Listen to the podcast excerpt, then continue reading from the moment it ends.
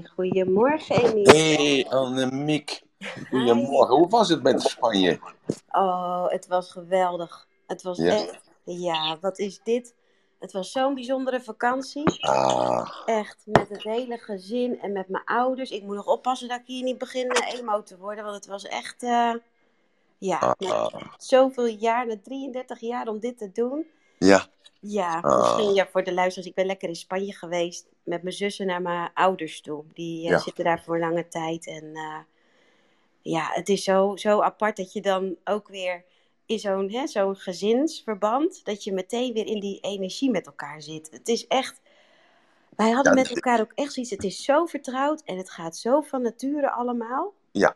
En daarna moet je het weer loslaten. Ja, nou dat inderdaad. En dat Ja, loslaten, waar we het vandaag over gaan hebben, ja, ja, in al zijn facetten komt die voorbij. En ja, nou, inderdaad, net wat je zegt, dan kom je hè, in het koude kikkerlandje weer terug naar zo'n heerlijke mini-vakantie. En nou ja, mijn ouders die daar achterbleven en wij komen hier dan terug. Het is omschakelen en ja. Maar waar, loslaten. maar waar focus je dan op? Hè? Focus je dan op het plezier wat je hebt gehad met hen?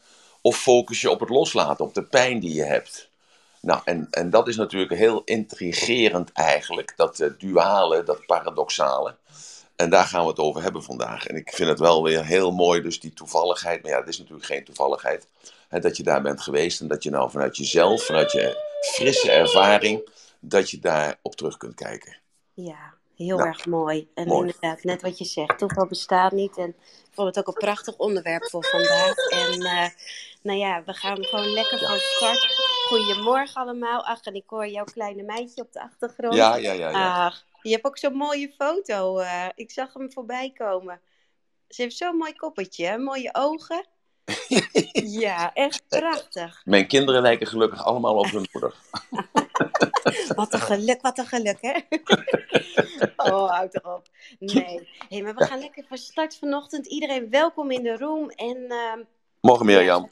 en ook Mirjam is er weer bij. Hartstikke mooi, Mirjam. Welkom. En zoals jullie weten nemen we de room op en kun je het, eh, kun je het allemaal terugluisteren via ratelband.com. En daarnaast willen we jullie natuurlijk ook van harte uitnodigen om vandaag met ons mee te praten. En misschien wil je van eh, nu meteen al lekker naar boven komen, maar ook gedurende de room, de gesprekken, de dingen die je raken waarvan je denkt, oh daar wil ik op reageren. Voel je vrij, steek je hand op en kom lekker naar boven met ons meepraten. En ehm, ik hoorde ook gisteren, eh, Mirjam, dat jij ons ook nog misschien een stukje mee gaat nemen in jouw loslaatjaar. Dus die, eh, ik leg hem vast eventjes weer in de week, Emiel, dat we die niet vergeten. Ja, dat ik, is, ik, ik, heb ook ergens gelezen dat oktober een loslaatmaand maand is. ja, ja, net als met dat roken, hè. is toch ook Ja, dat stoptober, dat, dat komt daar ook vandaan? ja, Nou, ik zeg een eh, prachtige timing. Begin van de maand. En eh, laten we lekker met z'n allen volop gaan loslaten. hè? ja, oké. Yes. Nou, eh, loslaten, ja, dat, dat schijnt nogal een, een, nog iets te zijn, hè? Dat, eh, heel intrigerend gisteren toen eh, die mevrouw naar boven kwam, ik weet niet meer wie het was. En dat zei, en gelijkertijd begon iedereen aandachtig te luisteren. En ja, daar moest gelijk op gereageerd worden. Dat, dat is nogal een dingetje, schijnbaar. En eh, ik heb daarna gisteren eens goed over nagedacht. En toen dacht ik bij mezelf, ja, maar waarom is dat nou een dingetje? Want dat loslaten is gewoon iets wat heel normaal is, wat bij jou hoort, wat bij alles hoort. En toen dacht ik even terug aan de zeven zuilen van de identiteit. Hè? Weten jullie dat nog, die zeven zuilen van de identiteit? Dat is de fysiek, het mentaal, het spirituele, het carrière, hè, de loopbaan, de relatie, hè, de relationele, sociale en het financiële. Dat zijn de zeven zuilen van de identiteit. En toen dacht ik daaraan, eigenlijk in één keer kwam dat bovenop mij. En toen dacht ik bij mezelf, als ik nu kijk naar die zeven zuilen van de identiteit, we proberen dat al heel, ja, we proberen dat dan massaal onder controle te houden. We proberen dat gewoon dan dus, eh, ja, gewoon eh, op een bepaalde manier te regelen. Hè? Dus als ik dan even die zeven zuilen even afloop, lichamelijk, hè, fysiek, dan blijkt dus dat je lichaam voortdurend aan het veranderen is. En, en als dat niet aan het veranderen zou zijn, ja, dan was je nog een baby. En, eh, of je was eh, nog net zo eh, ja, dom als toen je was toen je, toen je acht jaar was. Of juist zo slim als dat je acht jaar was. als dat lichaam zich niet veranderd had, dan had je nu niet die mooie kop met haar gehad. En als dat lichaam zich niet veranderd had, dan was je nou niet, had je niet die lengte gehad en dat ideale Adonis-lichaam gehad. Wat je nu hebt. Zo, dus dankzij die verandering en dankzij het loslaten van dat oude, ben jij nu de persoon geworden die je nu bent. Datzelfde is met de mentale processen. De mentale proces is dus datgene wat in ons hoofd gebeurt. Het denken, het verzamelen van ervaringen. Dat maakt jou, dat geeft jou de keuze tussen te kiezen tussen een goede ervaring of een slechte ervaring. Dat eh, zorgt ervoor dat je kunt visualiseren, dat je dat loslaat of dat je dat leert eh, bewust te doen. Zo, dat is ook een kwestie van loslaten. Je hebt die oude denkpatronen heb je losgelaten, want je wilt veranderen, je wilt vooruit. Dat is met spiritualiteit, spiritualiteit is dat ook hetzelfde. Je, je denkt niet meer zoals uh, vijf jaar geleden of eh, twintig jaar geleden of vijftig jaar geleden. Je gaat niet meer twee keer naar de kerk op de zondag. Je gaat nu naar de kerk als het jou behoeft of als je daar behoefte toe hebt. Je hebt de kerk helemaal losgelaten. Je hebt nu een eigen godsbeeld gecreëerd. Je hebt dat oude vertrouwde waar je mee opgevoed bent, dat, hè, dat je twee keer of drie keer per dag moest bidden. Dat doe je niet meer. Je bidt nu alleen maar als het jou uitkomt en je noemt het nu mediteren. Zo, dus daar heb je ook voor gekozen, maar dat heb je losgelaten. Je hebt het losgelaten. Datzelfde is in je loopbaan. Kijk, je hebt misschien je eerste baantje, maar je weet nu al van tevoren al dat je dus dat ook zal los moeten laten. Hoe betrouw, het, eh, betrouwbaar het ook is, hoe, financieel het ook zeker is. Je weet dat je het op een zeker moment los moet laten, omdat je verder wil en je wil een, een loopbaan hebben. Je hebt een carrière geschetst voor jezelf. Dat je vandaag over uh, tien jaar je eigen bedrijf hebt, of vandaag over twee jaar dat je een andere baan zoekt met meer geld of met meer verantwoordelijkheid of wat dan ook. En dus zul je dat ook weer moeten loslaten. Dat is hetzelfde met je relatie. Je relatie wil niet zeggen dat je van je, van je relatie af moet of zo, nee. Maar er zijn wel andere patronen, dus je moet het oude achter je laten. En als je kijkt naar foto's van, een, uh, van, van jouw relatie uh, vijf jaar geleden of tien jaar geleden, dan zie je dat je andere kleren aan hebt, een andere bril op hebt, een ander kapsel. En als je dan even denkt van, ja, we zijn toch wel erg anders, want papa die brengt de kinderen nu naar school. En, en hoe heb je daar niet voor moeten strijden? Wat heeft hij dan weer voor belemmerende overtuigingen in jou? in jouw hoofd heeft hij los moeten laten om dus dan nu met, de, met die bakfiets of met zo'n dingetje dan de kinderen naar school te brengen. Dus en in die relatie wordt nu gelijkwaardig geopereerd in plaats van dat hij of zij de broek aan had. Zo, dus is met sociale contacten is dat ook. Want hoeveel vrienden heb jij nog?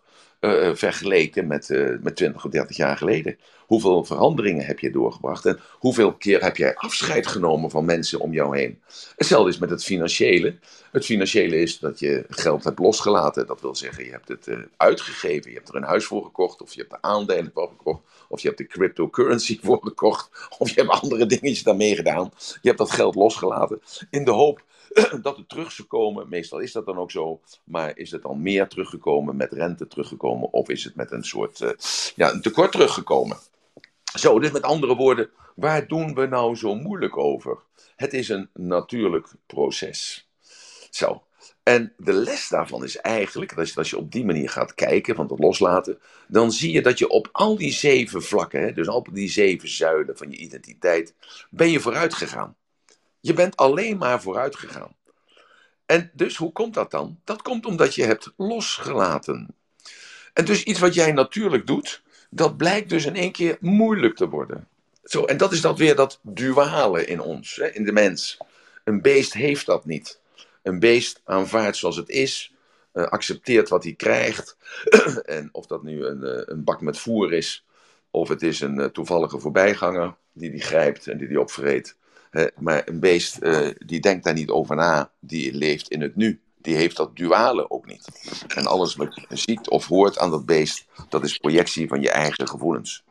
Emiel, als, je het, als je het zo vertelt, hè, dan, dan op die zeven zuilen, dan begrijp ik dat je eigenlijk op onbewust niveau doe je al heel veel loslaten van nature. Dat, dat is het verhaal. Juist, ja. dus, dus dat is de natuur. Hè. Je zegt het al heel goed. Dat is de natuur. Natuur ja. Je doet dat vanuit je natuur, doe je dat. En, en daarom, en dan komt dat menselijke erin en dat wil ik nou eigenlijk uitleggen, waarom het wordt dat het moeilijk wordt. Dat je er kracht voor nodig hebt. Althans, dat denk je. Want als je, en, en zo eh, ben je ook gaan geloven, no pain, no gain. Hè? Je moet eerst lijden voordat je vooruit kunt gaan. Ja. En terwijl dat vooruitgaan gewoon een, een natuurlijk iets is. En uh, dat natuurlijk iets, daarom is het zo mooi aan het boeddhisme en zoveel. Daarom gaan heel veel mensen naar het boeddhisme toe. Omdat de boeddhisme zijn alleen maar regels die gemaakt zijn vanuit de natuur dus reïncarnatie, dat is een, een, regel vanuit de natuur. Het blad valt op de grond, het wordt opgegeten door de wormpjes. De wormpjes die sterven, dat zijn weer voer voor, uh, voor een muis of zo. Die muis die sterft. En uh, dan, dat, uh, de, dat, dan het overblijfsel van die muis is dan weer de mest voor de zuurkool of voor de kool of voor de banaan die daar groeit. En dat eet de weer op en zo is dan de cirkel weer rond eigenlijk als het ware. Zo. Want hij gaat weer naar het toilet en dan is het weer mest. Zo, en daar groeit dan weer een boom Zo, dus dat is een wet van een natuurwet en zo is dat ook met ons. En daarom is het zo belangrijk, ik heb dat een keer uitgelegd, hè, dat alles zijn uh, seizoenen dat komt ook vanuit het boeddhisme. er is een wintermoment, en er is een uh, lentemoment, er is een, een zomermoment en er is een herfstmoment. En dat kun je bekijken in je leven, en dat kun je bekijken in de maatschappij, dat kun je bekijken naar je uh, moment van, van school bijvoorbeeld. Of je kunt het ook terugchunken naar iets kleins. En dan kun je kijken van op dat moment van waar zit ik dan? En dan kun je van daaruit kun je kracht tappen. Bijvoorbeeld, ik had vannacht gedroomd van de energiecrisis. ja, niet te geloven. Ik had vannacht gedroomd van de energiecrisis. A, droom ik al bijna niet. En als ik droom, dan, uh, dan weet ik dat dan eventjes. Maar uh, als ik dan wakker word, maar dan is het gelijk weg. Omdat ik heel veel in het nu leef. Alleen dit is blijven hangen, omdat het zo raar was. Ik uh, begon, de droom begon met dat ik benzine tankte in mijn dieselolie.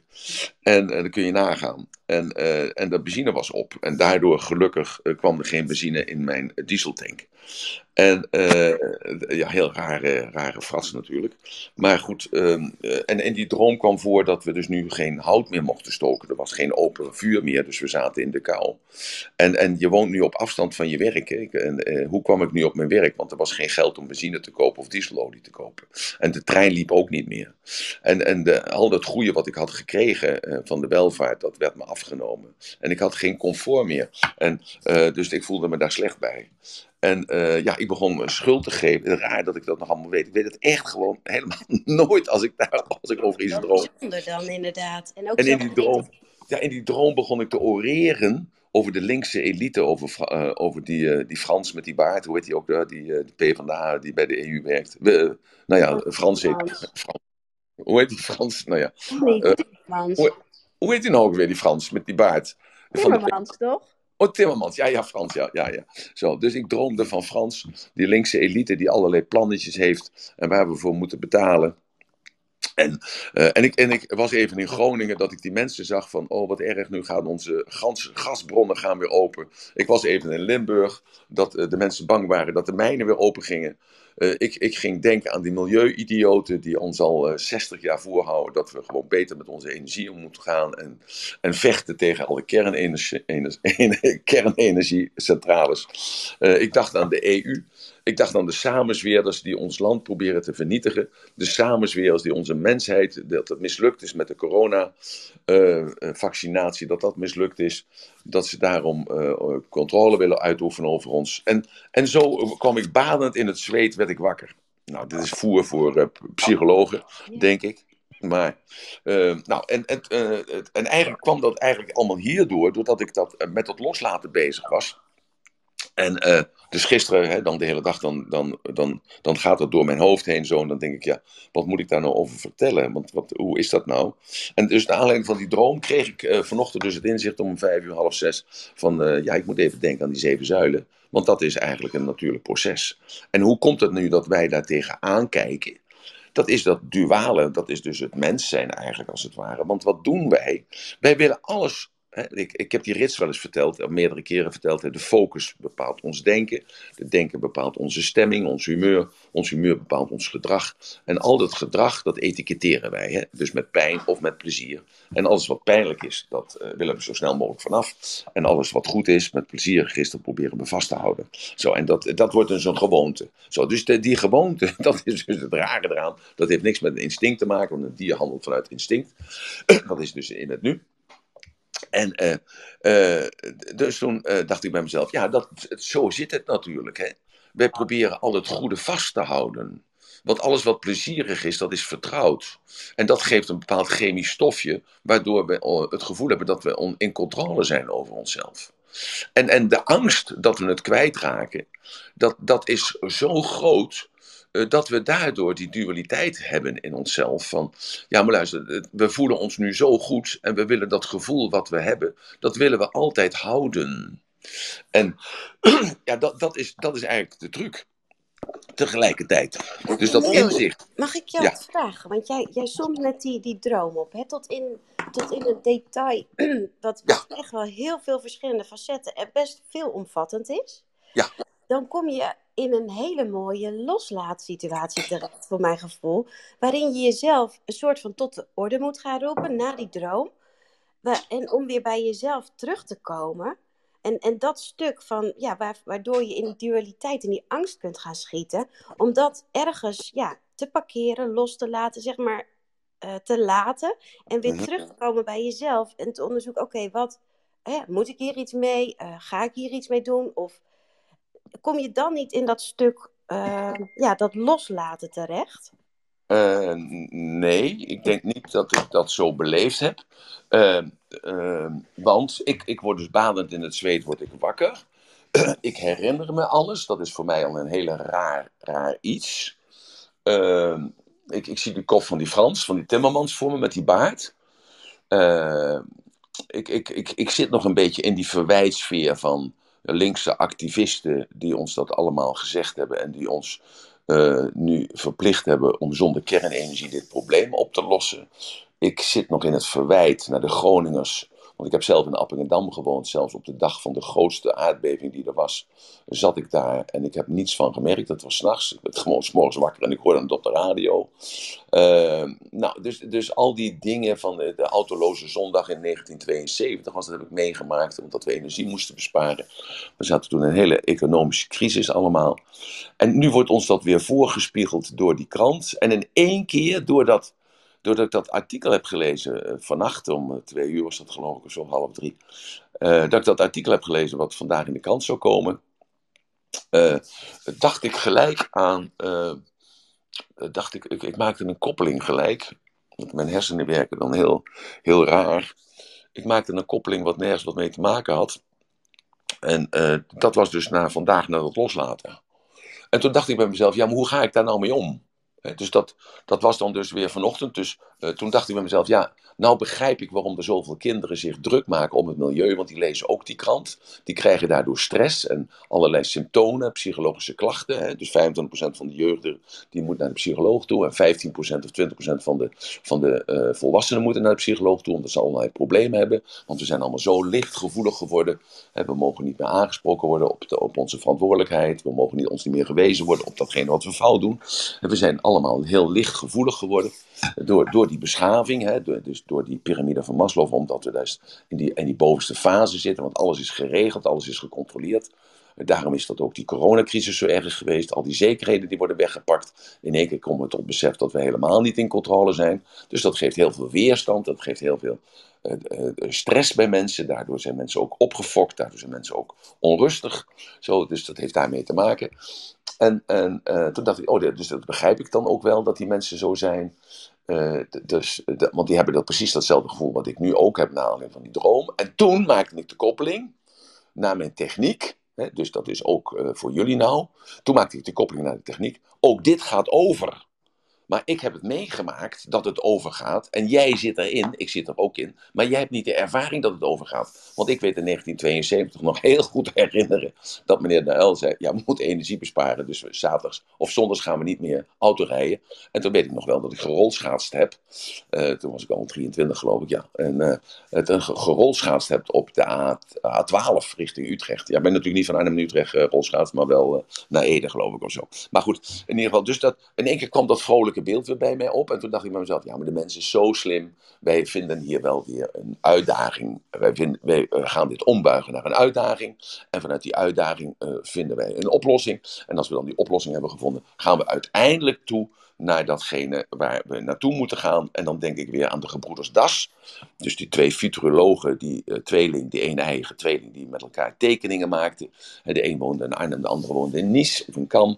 En dan morgens vroeg spraken ze elkaar af. We maken een tekening van een, van een, uh, een, een, stationsgebouw vandaag over 200 jaar. Of van een auto vandaag over 200 jaar. Of vanuit een, een huis vandaag over 200 jaar. En de een begon linksonder en de ander begon rechtsboven. En s'avonds legden ze dat per fax naast elkaar en dan bleek dat naadloos aan te sluiten. Zo, dus, dus al die beelden van die gebroeders Das, uh, van dat boek wat ik uh, toen gekregen heb van Rudolf, dat, uh, dat kwam weer voor mij. En toen dacht ik bij mezelf, ja nee, dus wij moeten dus nu door die transito, transito heen, transito heen, dus door die verandering heen, om uiteindelijk daar te komen, want we moeten dat oude loslaten. En ook dat gaat weer gebeuren. Zo, dus dat was de relativering hè, in mijn hoofd van maar het is voor mij makkelijk, want ik heb het al een keer meegemaakt. Dus dan kun je daar ook dan kun je, heb je ook een referentiekader. Maar ik kan me voorstellen als je 25 bent en je bent net getrouwd of je bent net een, partner, een vaste partnerschap aangegaan. Je hebt net een huisje gekocht. Je hebt een eh, vaste hypotheek afgesloten op 1%. En eh, je hebt gehoord dat de WOZ er omhoog gaat. Je hebt gehoord dat eh, het naar box 3 gaat. Het wordt dus belast als je het afgelost hebt. De energiekosten stijgen. En je begint je nu bezorgen te maken dat dat huisje je afgepakt gaat worden. Zo, maar ook dat gaat ook weer voorbij. Dus dat is de natuur. Het komt en het gaat, want het wordt je gegeven. En jij denkt, ervoor, jij denkt dat jij het hebt gecreëerd. Nee, het wordt je gegeven. Zo, dus, dat, dus dat was vanochtend allemaal in dat hoofd, uh, in mij, dat kleine hoofdje van mij. dus uh, uh, dat ik daar dan over nadenk. Want ik, ik denk voortdurend na, als ik de opdracht krijg van iemand uit de, uit de room van praat morgen nou eens over, over dit of over dat. Zo, dus alles staat in de context, de hele dag staat in de context van, van de opdracht voor de volgende morgen.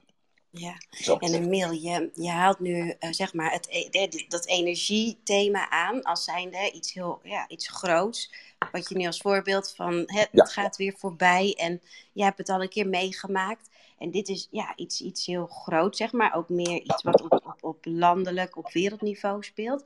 Maar, maar de, de methode, de mechaniek, het mechanisme wat je toepast om met dat loslaten uh, om te gaan, dat, dat kun je ook op hele kleine dingen, op ja, hele dagelijks in die ja, maar, natuurlijk, ja, ja. ja maar, maar, het gaat om eerst het bewustzijn. Hè. We hebben het altijd over, ik ben de bewustzijnsverruimer, zoals ik me dat graag zelf noem.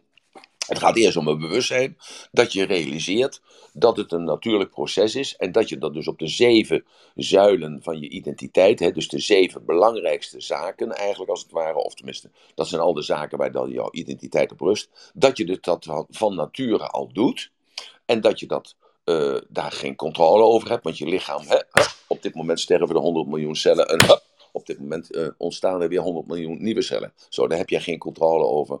De, tenminste, minimaal dan, eh, maar wel mentaal een klein beetje. En fysiek natuurlijk met je voeding en met je beweging en met je vochten. En, en gewoon hoe je omgaat met andere mensen. Dat heeft natuurlijk wel invloed op de vorm van die cellen.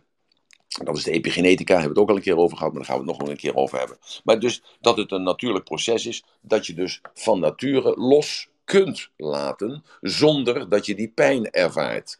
Die pijn creëer jij dus zelf. En waarom creëer jij die zelf, die pijn? Omdat jij dus datgene wat jij hebt geëtiketteerd als zijnde een, een, een, een recht, of, uh, of iets wat, wat je hebt, wat jouw eigendom is. Of iets wat jij vindt wat uh, fijn is, uh, plezierig is. Wat, wat jou aanzien geeft. Of wat jou respect geeft. En, allemaal in jezelf, hè? allemaal voor jezelf. Het is allemaal interne representatie. En dat je dat afgenomen wordt. En dat je daar afscheid van moet, laten, moet nemen. En dat je dat los moet laten. Maar dat is het leven. Hè? Dus alles wat jou dierbaar is, die zul jij los moeten laten, want die gaan over naar een andere energie. Dat klinkt al heel anders dan dat je zegt, hij gaat dood. Nee, maar al datgene laat je los, want het gaat anders. En als je begrijpt, als je begrijpt dat het noodzakelijk is in het veranderingsproces van de ziel, dat de ziel verder gaat op zijn reis en dat de ziel even op dit moment hier is en zich gemanifesteerd heeft in dat lichaam waar jij nu lekker mee vrijt, of waar je nou je lekker mee kan praten, of wat, wat je het etiket hebt gegeven dat het je vader is, of dat het je zuster is. En dat je daar afscheid van moet nemen. Dat is natuurlijk heel vreselijk voor je ego en voor jouzelf, hè, voor je identiteit is dat vreselijk, want je bent egoïstisch, je wilt dat bij jou houden. En al datgene wat fijn is, wil je bij je houden. En dan moet je daar toch afscheid van nemen. En als je dan kunt denken van, dat is de wet, dat is een universele wet, dat moet je loslaten, want er is een groter plan. Nou, en dat is het eigenlijk. Je moet zorgen voor een plan, want er is een groter plan. En dat grotere plan, daar moet jij je in kunnen vinden. dus daarom is het zo, uh, zo ontzettend belangrijk. Het eerste gebod wat ik zo vaak zeg is: ken uzelf. Wie ben jij? Waar kom je vandaan? Waar ga je naartoe? Wat is je functie? Hoe, wil jij, hoe wil jij zijn? Hoe wil jij jezelf vormgeven? Hoe wil jij hergedacht worden? Zo, dat, dat is ook de reden dat ik meewerk aan die documentaire. Zo, zo, dus, dus er is een plan. Dus als er een groot plan is, dan is er de vrije wil. Wetenschappers zeggen er bestaat geen vrije wil. Allemaal kletskoek, er bestaat wel een vrije wil. Waarom bestaat er een vrije wil? Voor mij bestaat er een vrije wil. Want dat is efficiënt om dat te kunnen denken. Daarom is het efficiënt om een godsbesef te hebben. Dat is efficiënt. want dan, daardoor ga je anders ga je rustiger om met de mentale processen die naar voren komen. Zo. Dus, dus er is een groot plan. En maak een plan voor jezelf. En als je dus een plan voor jezelf hebt, ja, dan maak jij je niet druk. Dus bijvoorbeeld, mijn plan is, ik ga dus naar Thailand toe. En ik denk bij mezelf, ja, ik, uh, ik, ik, zet het plan nog even in de vijfde versnelling. Ik ga in plaats van, uh, uh, van maart of april ga ik daar naartoe. Ik ga gewoon in december daar naartoe. Dan zit ik tenminste niet in de kou. Want ik heb dan in ieder geval geen last dat ik te weinig energie heb of te dure energie heb dat ik niet kan betalen. Om hoe heet het, om de, om de verwarming te laten draaien. Snap je? Dus zorg voor een plan. Zorg voor een plan. En als je een plan hebt, is dus dat, dan is dat, dat, dat, dat rationele, dat, dat is abstractieniveau. Hè? Dus, uh, dus om verlicht te worden, heb je abstractieniveau nodig. En uh, abstractieniveau wil zeggen dat je erover nadenkt van, wat wil ik eigenlijk? Zo, wat wil ik eigenlijk? En als je niet voor jezelf weet wat je wilt, dan ben je een, een puppy on the string. Hè? Dan, dan ben je een marionet aan de, de touwen van iemand anders die dus wel weet wat hij wil of zij wil. En hij of zij gebruikt jou dan om zijn plan te vervolmaken. Of zijn plan te doen. En dat is dan eh, in jouw directe omgeving, of dat is de staat, hè, wij spreken. En dat besef hebben dus heel veel mensen. Daarom zie je ook die agressie die er is ten opzichte van het niet vaccineren. En de tweespalt in de maatschappij en de polarisering die er momenteel plaatsvindt op alle gebieden. En je ziet zelf dat dat al ehm, eh, in de politieke partij al duidelijk is. Want gisteren las ik een heel klein zinnetje dat een van de dames van de PvdA, die zei, zonder dat ze erbij nadacht, zij zei, uh, nog twee kabinetten en dan is het land onbestuurbaar geworden. En daar heeft ze gelijk in. Want de democratie vindt ook, is ook in de transitofase. Moeten we ook loslaten. Er moet een ander systeem komen. Dat weten we allemaal, want het is natuurlijk één grote klotenzooi. En we moeten het loslaten, want we zijn toe aan een nieuw systeem. Maar wat is dat nieuwe systeem? En die mevrouw dus van de PvdA, die zei dat heel wijs, nog twee kabinetten en dan is het land onbestuurbaar. En dat, dat zie je dus nu al op heel veel vlakken. Je ziet het in onderwijs, je ziet het in justitie, je ziet het bij het verkeer, je ziet het bij... Uh, bij de gezondheidszorg, je ziet het uh, ja, bij de woningbouw, je ziet het overal. Uh, nou, energie, eigenlijk is ook een kwestie, want dat had geregeld moeten zijn natuurlijk in het verleden al lang. Dat we, anders hadden we die, dat probleem niet gehad wat we nu krijgen. Maar dat zijn allemaal groeistuipen. En dus moet dat zo zijn. En als je dus kunt kijken uh, met die bril op, het moet zo zijn, ja, dan is dat acceptatieniveau van jou om iets los te laten, om het oude los te laten, dus dan wordt al veel groter. Ja, wat je dus, dus zegt is met name dat plan, dat je duidelijk voor ogen hebt van ja, wat wil ik nou? Dat je daarmee ja, dat loslaatproces als het ware ja, in beweging zet. Ja, want, je wilde toch een huisje kopen? Nee, ja, want heel veel mensen voelen wel ergens van ja, ik ben nu, ik steek mijn energie ergens in waarvan ik voel dat het helemaal niet oké is. En dat, het, dat, ik het, uh, dat ik eruit moet komen. Maar dan is het heel vaak, ja, hoe dan? En, Ja, dat, en daar kun je dan in je, blijven hangen als je je moet niet het oude, ja, ja, maar dat is dus, je zegt het dus precies, hè, je moet het oude loslaten. En daar heb je dus moed voor nodig, lijkt het. Hè? Je moet er moed voor nodig hebben. En eh, die moed eh, moet je creëren als je dat nog nooit gedaan hebt. Maar als je je hele leven hebt gewerkt, daarom worden heel veel mensen nu ZZP'er. Die laten dus ook die zekerheid los van een baan. En er zijn heel veel momenten dat een ZZP'er denkt bij zichzelf, dat heb ik niet verstandig gedaan. Want ik eh, kan geen klanten krijgen en mijn product slaat niet aan. En mensen willen de prijs niet betalen. En ik, waar moet ik nou zoeken? En dan, raken ze in paniek. maar ze hebben de consequenties van hun daden niet overzien. En die kun je ook niet overzien als je het zekere loslaat. En zo, dus als je geoefend hebt je hele leven lang met het loslaten, en dat heb je dus in feite met die zeven, eh, met die zeven zuilen, heb je dat dus al gedaan op onbewust niveau. Hè, en als je dat gaat realiseren, dan wordt het dus eigenlijk al voor jouzelf acceptabel dat dus de omgeving gaat veranderen. Hè, of de relatie gaat veranderen, of het zijn de kinderen gaan het huis uit, hè, bijvoorbeeld, of zo, of je ouders die gaan scheiden. Eh, of bijvoorbeeld het, eh, je partner die eh, gaat andere dingen doen en daar moet je afstand van nemen. Het, het, is het, de liefde hè, die in één keer er was en die weg is. Of het is het voedsel waar je afscheid van moet nemen. Dat moet je loslaten, want je, je vindt dat je af moet vallen. Of je vindt dat je anders moet leven of zo. dus, dus, en op al die gebieden zie je dat mensen aan het experimenteren zijn. Als je dat vergelijkt met 50, 60 jaar geleden, daarom moet je je geschiedenis goed kennen. Toen veranderde er helemaal niets. Men at gewoon wat de pot schafte. En vandaag de dag heb jij de keuze als je bij Albert Heijn of bij de Jumbo loopt of bij de Aldi loopt. Dus de Lidl, eh, jij, je, je, je rookte je sigaretten en je kocht die bij de Lidl. En de Lidl heeft van de ene dag op de andere dag gezegd, we verkopen geen sigaretten meer. En je denkt bij jezelf, ja wat maak je me nou? Ik ben toch een klant? Je moet me toch bedienen? Ja nee, hij kiest voor, eh, voor, voor, de, eh, voor de publici- publiciteit. Hij kiest voor de, voor de positieve, voor de gezondheid van de mensen. En stelt, stelt dat centraal. En laat op die manier zien wat zijn waarden zijn als bedrijf. En daardoor trekt hij juist andere mensen die wel milieubewust zijn en wel gezondheidsbewust zijn, trekt hij naar zich toe. Zoals ook de Lidl altijd een van de partijen is die zijn groente en fruit goed eh, op orde heeft. Eh, en hoe komt dat dan? Eh, eh, omdat ik natuurlijk in die handel zit. Ja, niet in de groente en fruit, maar in het begeleiden van bedrijven. Dat komt hierdoor, omdat een Jumbo bijvoorbeeld, die heeft hele slecht groente en fruit. Dat komt omdat zij in hun zeven zekerheden hebben staan dat al hun producten er dus de hele dag, gedurende de hele dag moeten zijn. Dus ook kwetsbaar fruit moet er s'avonds om zeven uur of om half acht, als de winkel op het punt staat om te sluiten, moeten zij dus dat volledige assortiment hebben. En het geheim van de Lidl is, daarom hebben zij het beste fruit en de beste groente, en ook nog het goedkoopste, is omdat zij maar vier soorten fruit hebben en twee soorten of drie soorten groentes hebben. En niet dus de zeven zekerheden hebben, want uitverkocht is uitverkocht. En bij Jumbo is dat anders. En de, eh, Albert Heijn heeft weer een andere kreet daarvoor, dus die heeft weer een ander marketingplan. Dus die hebben allemaal plannen waardoor wij ons thuis voelen in die winkel. En juist gaan kiezen voor de Aldi of voor C. de Boer. Of als die er nog is, nou die is ook weg. Of de coöperatie of de Jumbo of wat dan ook. Zo, zo dus eh, dat is hetzelfde ook. eh, op een zeker moment, hoe kom ik daar nou bij? Oh, daar kom ik bij met sigaretten. En dat in één keer de Lidl zegt, eh, we gaan geen sigaretten meer verkopen. En dat moet je ook loslaten dan. Je moet het loslaten, want je, je gaat dan voortaan je sigaretten kopen bij de Jumbo. Maar dat zal maar even duren en dan is dat ook afgelopen. En daarna ga je naar een... misschien een sigarettenwinkel toe. En dat is ook afgelopen vandaag over een jaar. En dan weet ik niet waar je wel je sigaretten moet kopen. Dat zullen dan wel eh, Polen zijn die dan eh nep-sigaretten verkopen zonder eh, van die bandere- bandereren erop. Zo.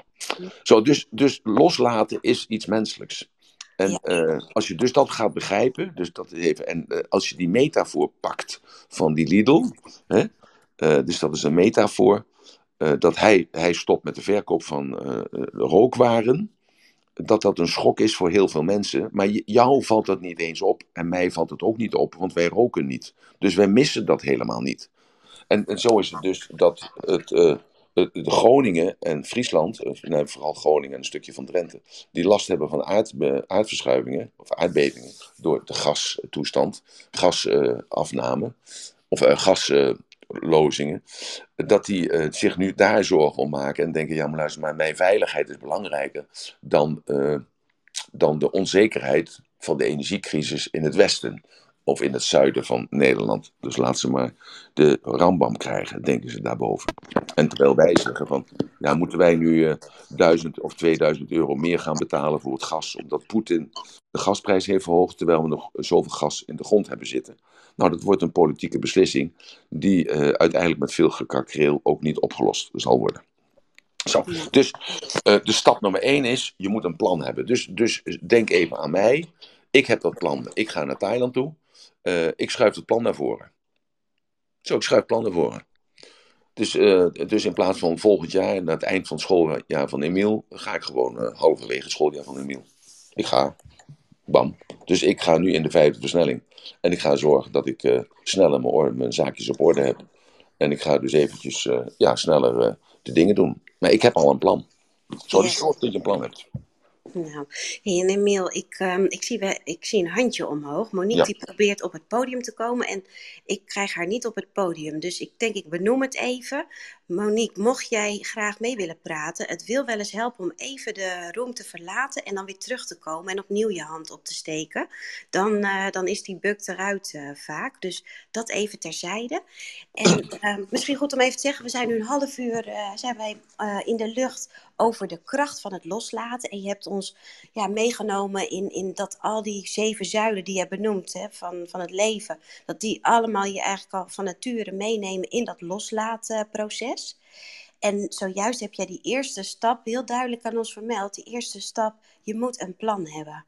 Ja. En nou ja, je gaat ons meenemen in, in waarschijnlijk in een aantal volgende stappen. Dus ik ben, eh, ben heel benieuwd. En ook de uitnodiging aan de luisteraars. Wil je reageren of wil je wat vragen? Steek je hand op en kom lekker naar boven.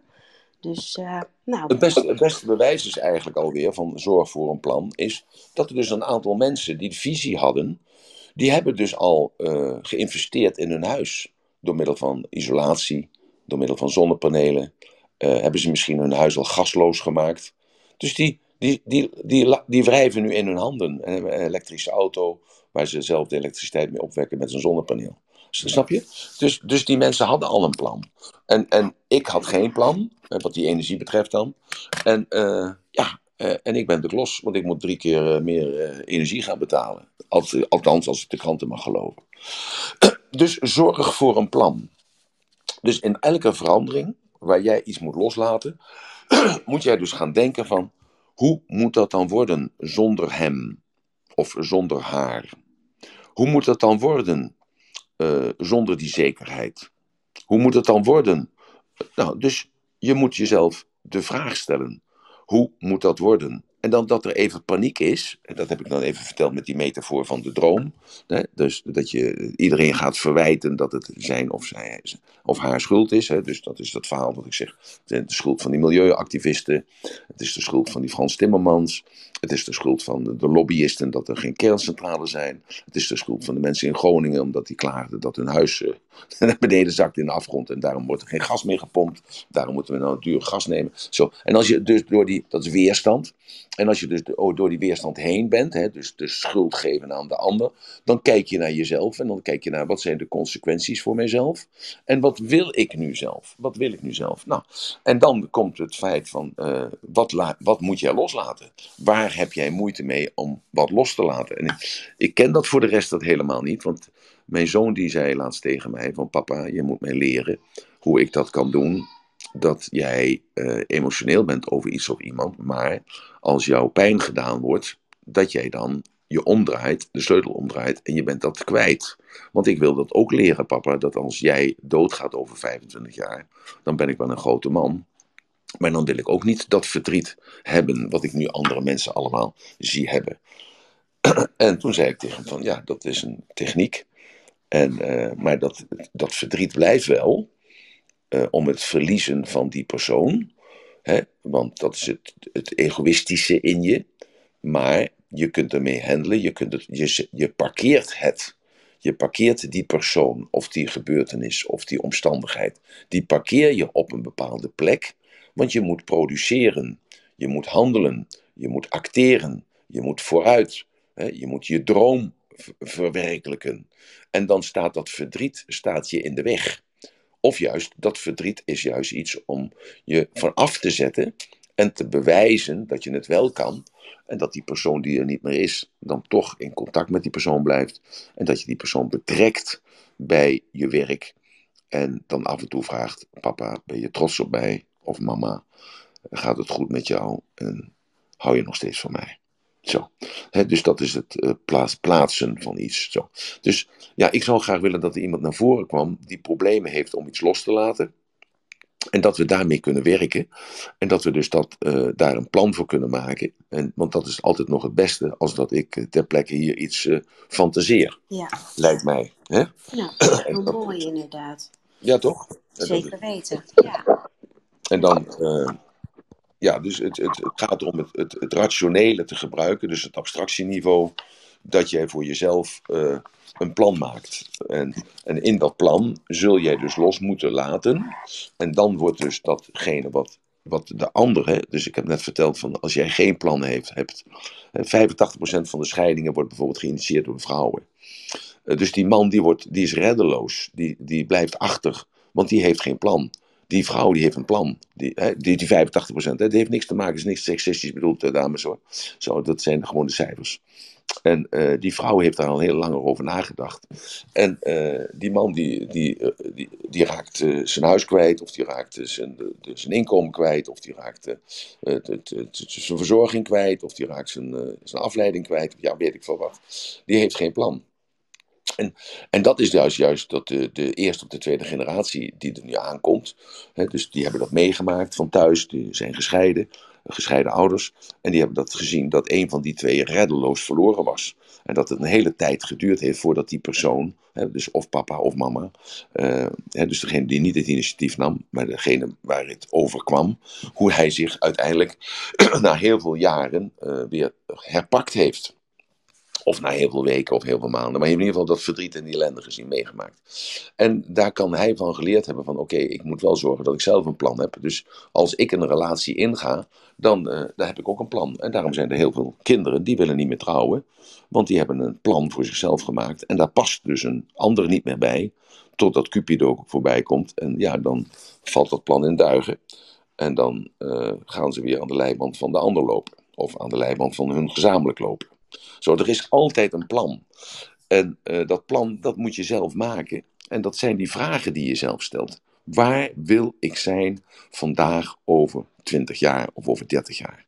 Waar wil ik dan zijn? Met wie wil ik dan zijn? En hoe wil ik dan zijn? Zo, en als je dat weet, en als je dat niet weet, is ook niet erg. Maar als je het weet, dan ben je gezegend. En weet je dat niet, is ook niet erg. Want dan ga je terug naar vandaag. En als je dan vandaag bent, zo, dan kijk je naar jezelf, naar de spiegel. Dan schrijf je op wat je verworvenheden zijn. Je schrijft op uh, wat goed aan jou is. Wat zijn je kernkwaliteiten, zoals we dat dan noemen. Hè? Wat zijn je kernkwaliteiten? En dan, wat zou ik met die kernkwaliteiten kunnen doen? Zo, dan, begin je dus vooraf en niet achteraf, maar dan begin je vooraf. En wat kan ik met die kernkwaliteiten doen? Nou, ik ben uh, ondernemend of ik ben afwachtend, ik ben stil, ik ben uh, humorvol, ik uh, kan lekker koken, ik kan, ik, ik kan mensen vermaken, ik, ben gewoon een lief, lief, lief mens, ik ben, nou, noem het allemaal maar op. Zo, en dan dan vanuit dat noteren, hè, vanuit dat bewust maken, dat je je hersens moet pijnigen. Nadat je de eerste vijf kernkwaliteiten opgeschreven hebt, maar je pijnigt je hersens, dan blijkt in één keer dat je goed bent in iets wat je vergeten was. En, uh, ja, en, en als je dat besef weer krijgt, dat je goed bent in verhalen vertellen, of je bent goed in mensen anders mensen helpen. Of je bent goed in uh, koekjes koken, uh, koekjes bakken. Of je bent goed in, in, uh, in, in verzamelen. Of je bent goed in, het, het, in de. Gisteren sprak ik iemand die is makelaar. Een, een zeer succesvolle makelaar. En zij vertelde mij van. Ze was in Portugal geweest. En zij vertelde van, nou, dat makelaar, dat makelaar, dat bevalt mij echt de laatste paar jaar niet meer. Uh, toen is haar moeder overleden een jaar geleden. Dat was een grote schok natuurlijk. Hoewel haar moeder 96 geworden was, komt het dan toch onverwachts. Zij moest haar moeder loslaten, uiteraard. En dat was een heel duaal proces. Aan de ene kant had ze de afgelopen 15 jaar voor, volledig voor die moeder gezorgd als, als mantelzorger. En uh, tegelijkertijd haar baan gehouden, haar makelaarskantoor. En uh, Uh, dus uh, dat proces van loslaten ging redelijk snel, omdat ze had die afleiding van het bedrijf. En ze hield in één keer meer tijd over. Uh, die tijd heeft ze dus, na, na het gesprekken van ons, heeft ze dat ingevuld door reisjes te gaan maken. En een van haar reizen kwam zij in Portugal. In een bepaald gedeelte van Portugal waar niet zoveel toeristen komen. En zij is nogal geïnteresseerd in de Kartaren en de Tempeliers. Uh, we hebben samen een keer, zijn we zelf een keer naar uh, Zuid-Frankrijk gereden om daar de Kataren uh, forten en de Kataren geschiedenis te bestuderen.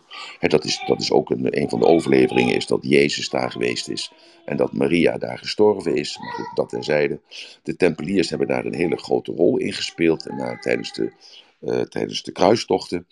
En zij heeft ontdekt in het een of ander puntje van, van Portugal dat daar nog een, een een tempelierstaat is geweest. Met gebouwen, met um, kleine museaatjes, met uh, allerlei routes die je kunt volgen. En gisteren had ik haar aan de telefoon en ze zei tegen mij: Nou, ik heb je al vaker gezegd, ik heb er helemaal geen zin meer in, in die makelaardij. Ik kap ermee, ik ga reisjes organiseren naar uh, dat puntje in, uh, in Portugal voor mensen die geïnteresseerd zijn in de tempeliers in de Kataren. En uh, gewoon in de betekenis van de religies. Nou, ze is uh, 54. Ze is uh, al vieren, volgens mij al 34 eh, jaar makelaar. Eh, ze heeft dat altijd met verven gedaan. Maar ze heeft ook altijd gezegd, ik ken haar al een jaartje of 30. Ze heeft altijd gezegd van, nou dit is niet mijn roeping. En ja, dus dat wist ze dan wel. Alleen door het overlijden van haar moeder uh, kwam er dus die tijd vrij en dus ook die gedachten vrij en dus reisjes maken. En in één keer heeft ze dus een gebiedje ontdekt wat nog niet ontdekt was. En nu gaat ze reisjes organiseren naar dat, onbekende stukje van Portugal. Nou, dus zij heeft dus vanuit het stilzitten, hè, uh, want die tijd kreeg ze dus omdat ze niet meer die mantelzorger was over haar moeder. Uh, dat ze tijd overhield in haar makelaarskantoor, want ze deed het, die mantelzorg deze daarnaast. En kreeg tijd over, ging zitten, ging denken wat zijn mijn kernkwaliteiten. En vanuit die kernkwaliteiten uh, ja, vond ze het leuk om andere uh, landen te bezoeken. Uh, dat vond ze leuk en spannend. En daardoor ontdekte ze dus een andere kernkwaliteit van hé, hey, ik kan hier dit andere mensen wel bezoeken. En ik kan andere mensen wel. Wacht even, ik moet eventjes de deur openen, want er is, een, er is iemand die komt werken vandaag. En, dus ja, dus zo, zo gaat dat. Dus je moet een plan hebben. En tegelijkertijd in dat plan, hè, dus dat is dan natuurlijk die weerstand, hè, dus om dat los te laten. Uh, dat moet je natuurlijk niet vergeten. Maar uh, moet je zorgen voor afleiding. Moet je zorgen voor afleiding. En die afleiding die zorgt ervoor dat. Wacht, ik moet eventjes. hallo. Ik moet heel, heel eventjes hem aan het werk zetten. Jongens, moet even zetten. Zo, neem het heel even over, dan zet ik hem even op mute. Is goed. Nou, en in die tussentijd is het misschien, ja, Emiel deed net de uitnodiging van ja, wie wil, wie wil hier zelf misschien een, uh, ja, iets in delen. En dat je daarmee door dat proces heen wordt geholpen. En dat Emiel jou ja, daar handvaten bij kan geven van hoe ga je nou door dat, ja, door dat stuk loslaten heen. Want het is, het is ook vaak iets wat in de lucht blijft hangen. Hè, waarvan je ergens wel weet van, ik voel dat ik het moet loslaten. Maar hoe ga ik dat nou echt concreet in de praktijk brengen? Dus, en ik heb tot nu toe heb ik nog geen, uh, nou ja, geen mensen die op die uitnodiging zijn ingegaan.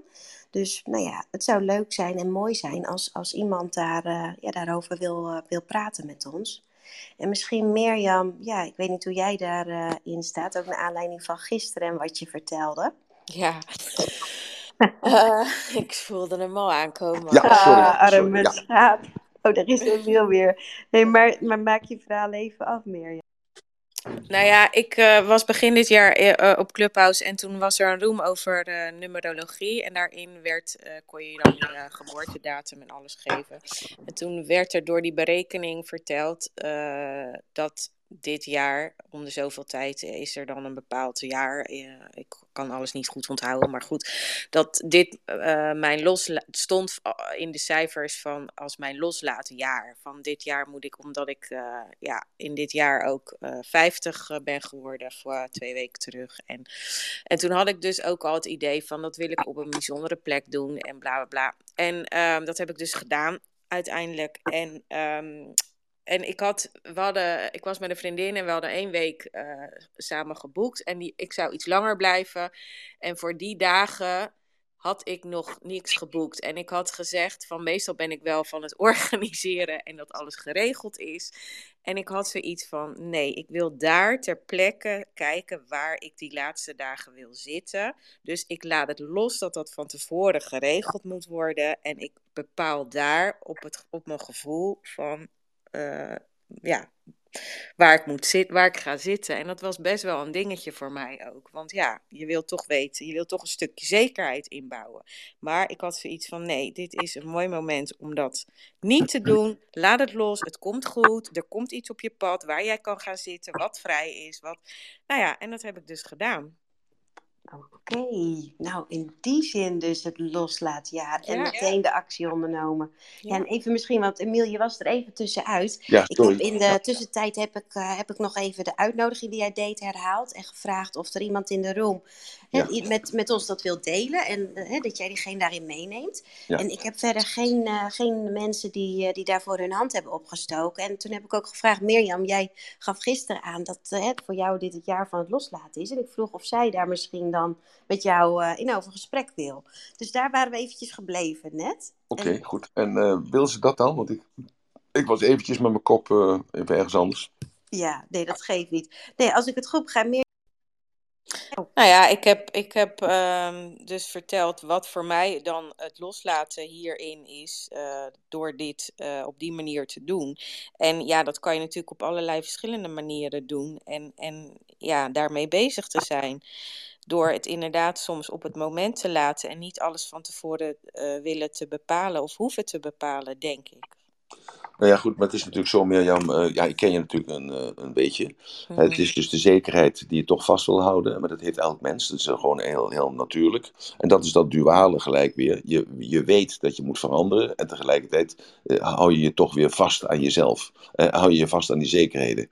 En dat is eigenlijk, het is ook, dat is ook weer, het klinkt ontzettend lullig als ik dat zeg. En niet naar jou toe hoor, maar naar andere mensen denk ik. En dat is dat je moet altijd uitgaan van jezelf. Alleen. Hè? Dus je moet uitgaan van uh, je partnerschap. Of je moet niet uitgaan van uh, dat je een hond of een kat hebt of zo. Of een huis hebt of een bezit hebt. Hè? Je moet uitgaan van jezelf. En wat wil ik? Ik, ik, ik, ik, ik, ik, ik. Wat wil ik? En wat zijn mijn kernkwaliteiten? En als jij weet van wat jouw kernkwaliteiten zijn, nou die heb je heel veel meer, Jan. Want dat, uh, ik heb genoeg nou met jou samengewerkt om te weten dat hoeveel, hoeveel, kern, hoeveel kwaliteiten je hebt. Die heb ik gelijk herkend. Ik weet niet of dat moment dat ik jou ontmoette daar in Ede, daar beneden bij de lunch. Mm dat ik je in je ogen keek en dacht bij mezelf, nou, je bent een goeie. en uh, dat heb ik ook gezegd, maar uitgesproken. dus de, de, kernkwaliteiten die je hebt, daar ben je denk ik nu wel achtergekomen. Door, dat wist je al wel, maar die, die heb je ook weer ontwikkeld. En, en er is geen zekerheid in het leven. Er is maar één zekerheid in het leven en dat is onzekerheid. Zo, dus dat is een overtuiging, hè? Dat is een overtuiging. Er is maar één zekerheid, dat is onzekerheid. Nou, en als je dus die zekerheid hebt, dat er maar één onzekerheid is en dat is onzekerheid, ja, dan, dan gaat die onzekerheid, is dan oké. Dus dat het eventjes, uh, dat je in een transitofase zit, dat het eventjes nog haring, nog kuit is. Dat het niet nog land of lucht is, of uh, zee is, of uh, water is, of land is, maakt niet uit. je zit gewoon in een tussengebied en je moet die deur gewoon openen en je moet gewoon door die deur heen gaan. En dat is moed hebben. En dat, die moed kun je alleen maar creëren door het te doen. Ja. Moed is als een soort spier. Uh, die spier die is er wel, alleen als je hem verwaarloost, ja, dan verslapt die spier nog erger. En dan ga je hem bezig zijn, ja, dan, uh, en, dan, dan doe je er wat mee. Nou, en ik denk dat je dat ook hartstikke goed doet in onze samenwerking, zoals je dat bewezen hebt. Want iedereen was hartstikke tevreden over uh, datgene in Elspet wat jij gedaan hebt. Je kon het ook niet loslaten. Je moest toch nog even de laatste uurtjes erbij zijn. Ja. Gelukkig heb je het vliegtuig nog kunnen halen. Ja. Hè? Dus daar maakte, ik me dan, daar maakte ik me dan weer druk om. Dus, uh, dus ja, daar maakte ik me weer druk om. Denk, ja, god, het is zo'n lieve schat. Dat ze regelt het allemaal. En ze weet toch dat ze het goed gedaan heeft. Ze weet allemaal dat ze het gedelegeerd heeft. Dus het loopt allemaal. Dus nou, schiet nou maar op, schiet nou maar op. Want straks dan mis je het vliegtuig en dan is het mijn schuld. Zo is... Ja, nee, maar zo. Jouw overtuiging dan. Ja, ja, ja, ja, ja, ja, maar zo zat ik er dan in. En, maar zo zitten dus mensen ook in relaties. Ja. En uh, maken zich druk om de ander. En uh, van hoe zou, dat dan, hoe zou die ander dat dan vinden als ik voor mezelf kies? Ja, dat is dan zijn probleem. Want namelijk, we weten allemaal dat het niets te maken heeft met wat jou gebeurt. Het gaat erom hoe ga ik ermee om. Dus het is nooit de schuld van iemand. Daarom die metafoor van vanochtend, van die weerstand. Dat als je in die weerstand zit, ja, dat is de schuld van Frans Timmermans. Het is de schuld van die Groningers. Het is de schuld van die milieuactivisten. Het is de schuld van de conspiracy. Het is de schuld van. Nee, het heeft daar niets mee te maken. Al zou dat dan zo zijn, dan hebben zij dat ook gedaan vanuit een positieve intentie om de wereld te verbeteren. Want de, de verandering gaat toch door. Dus ik kan hem wel tegenhouden. Nee, ik moet gewoon accepteren dat er onzekerheid is, want dat is een zekerheid. Nou, en dan ga je er anders mee om. En, uh, ja, en je moet vanuit jezelf gaan. En, uh, dus uh, geen rekening houden. Ja, hoe, hoe hard dat ook klinkt. Hè? Dat klinkt zo hard. Mensen zeggen ook wel tegen mij: hoe kun je nou in godsnaam naar Thailand gaan met, met zoveel kinderen? Ik zeg: Nou, ik neem er toch twee mee. Ja, maar dan blijven er zes achter. Ik zeg: Ja, die krijgen een open ticket. Die mogen net zo vaak komen als ze willen. Nou, ja, ja, ja, maar dat is toch maar als ze je nodig hebben, ze van de fiets afvallen en ze hebben je nodig, dan ben je er niet. Ja, dat is ook helemaal zo.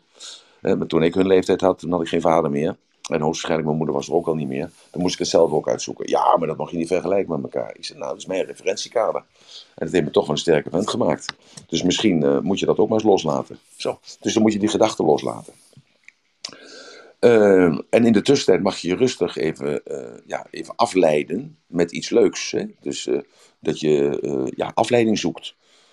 En, en, in die tussentijd. En daar is niks verkeerds aan. En dat maakt juist het proces van dat wennen aan iets nieuws, maak je juist daardoor prettiger. En, en uh, verzacht het moment van hardheid. Maar er zijn ook weer mensen juist die zeggen: nee, ik wil me niet afleiden. Want juist als ik dat leuke gevoel heb, dat prettige gevoel heb, dan moet ik weer terug naar dat vervelende gevoel. Dus dan ga ik er liever maar in één keer snel doorheen. Nou, ik ben uh, het laatste soort. Ik hou er niet van, van, van dat gezeur. Uh, dus ik wil gewoon doorgaan. Dus ik knip het door. En ik doe dat vaak op een onsympathieke manier. dus ik, ik neem die beslissing. Ik overleg het wel een paar keer. Maar als ik geen asem krijg, dan, ja, dan, dan knip ik het gewoon door. En dan is het weg. Emiel, ik zit ook, ja. die afleiding die jij noemt, zit er ook niet een hele mooie in dat door die afleiding dat je ook je systeem een soort van ontspanning geeft. En dat daardoor de ruimte komt om uh, af en toe een ingeving of dat je ineens hè, het, het plan helder krijgt, bij wijze van. Dat je je systeem een soort van ontstrest ook daardoor, waardoor je even uit die spanning van datgene wat je los wil laten komt. Ja, maar dat, is, dat, is persoon, dat, dat zou kunnen. Hè? Uh, ik, ik, ik, ik kan er niet vanuit mijn ervaring over spreken zo. Ik ben daar resoluut in. Uh, ja. ik, ik, ik heb een hekel aan pijn. En als het moet gebeuren, dan moet het gebeuren. Ik heb vanochtend, uh, moet ik dan mijn oog druppelen. Dat heb ik op internet gezet. Uh, maar dan, daar heb ik gewoon een hekel aan. Dus, dus moet gebeuren en doe het meteen. Als ik wakker word, dan doe ik het meteen. Snap je? Ja. Zo, dus dus als er verandering op komst is, dan wacht ik niet al aan. Ja. dat is heel vervelend. En uh, voor de, de nabestaanden of de. Ja, de, de, dus ik ben daar heel rigoureus in. dus als er dingen zijn die niet opgelost kunnen worden, dat was, dat was me eergisteren, kwam dat even naar voren toe. Toen, van, het was een vraag van, van Michel, geloof ik, of van Patrick, weet ik niet meer. het was een vraag van: oké, okay, maar als je nou tegenover iemand staat en die persoon die denkt er heel anders over dan jij, die is 180 graden. Hoe moet je dan die veranderen?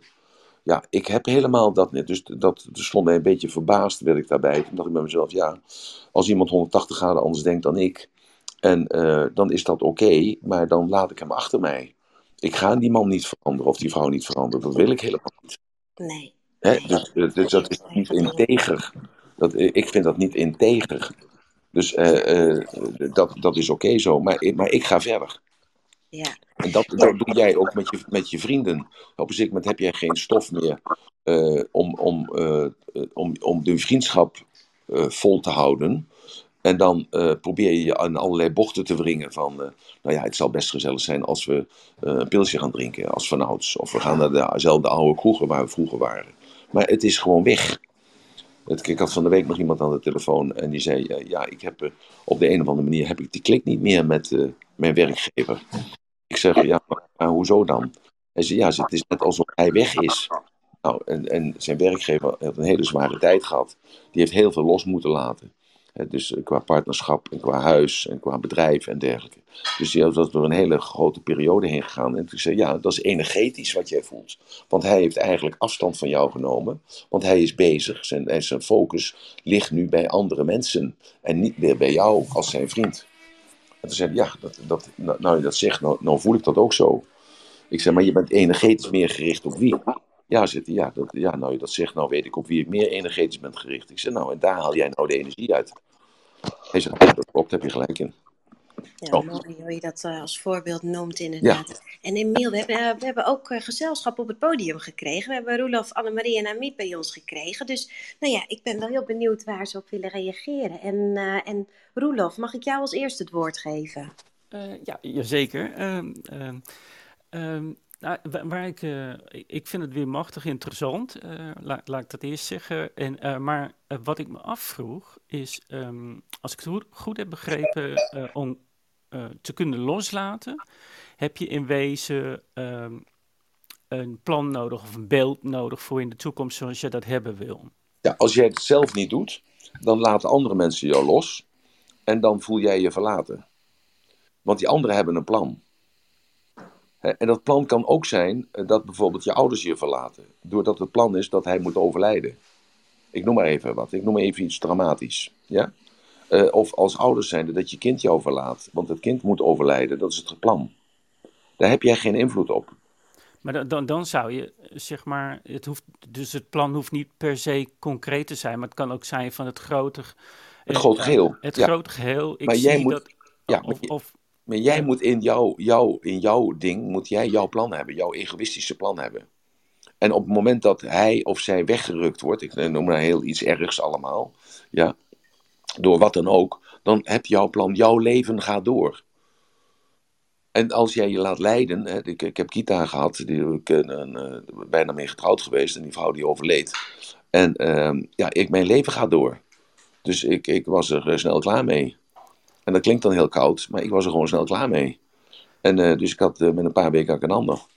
maar en- is het, is, is het dan, Ja. eh, is het dan, eh, ik probeer het even, eh, eh, zeg maar praktisch, maar ook een beetje buiten dat praktische te kijken, maar is, is het dan, ehm, eh, is het dan ook zo, het loslaten vereist vertrouwen, dus is dat het dan ook, dat je zegt van, ik kan het niet overzien, ik heb nog geen plan, maar, Ja, maar ik als, je, als je een plan hebt, heb je toch, dan heb je toch zekerheid, dan heb je vertrouwen. Dat is interessant om dat te hebben, want daar kun je toch op teruggrijpen. Dus als jij, daarom is het zo leuk, je hebt je eigen werk. Wij hebben een relatie met elkaar, we wonen bij elkaar. Jij hebt jouw werk, ik heb mijn werk. 's morgens vroeg ga jij de deur uit, 's morgens vroeg ga ik de deur uit. En nu op een zeker moment ga ik de deur uit, ik kom nooit meer terug. Dan, de volgende dag ga je dan toch, blijf je toch de deur uitgaan. Oh, ja, oké. Zo, nou, dus dat, dat, dat is dan toch de afleiding om afstand te nemen.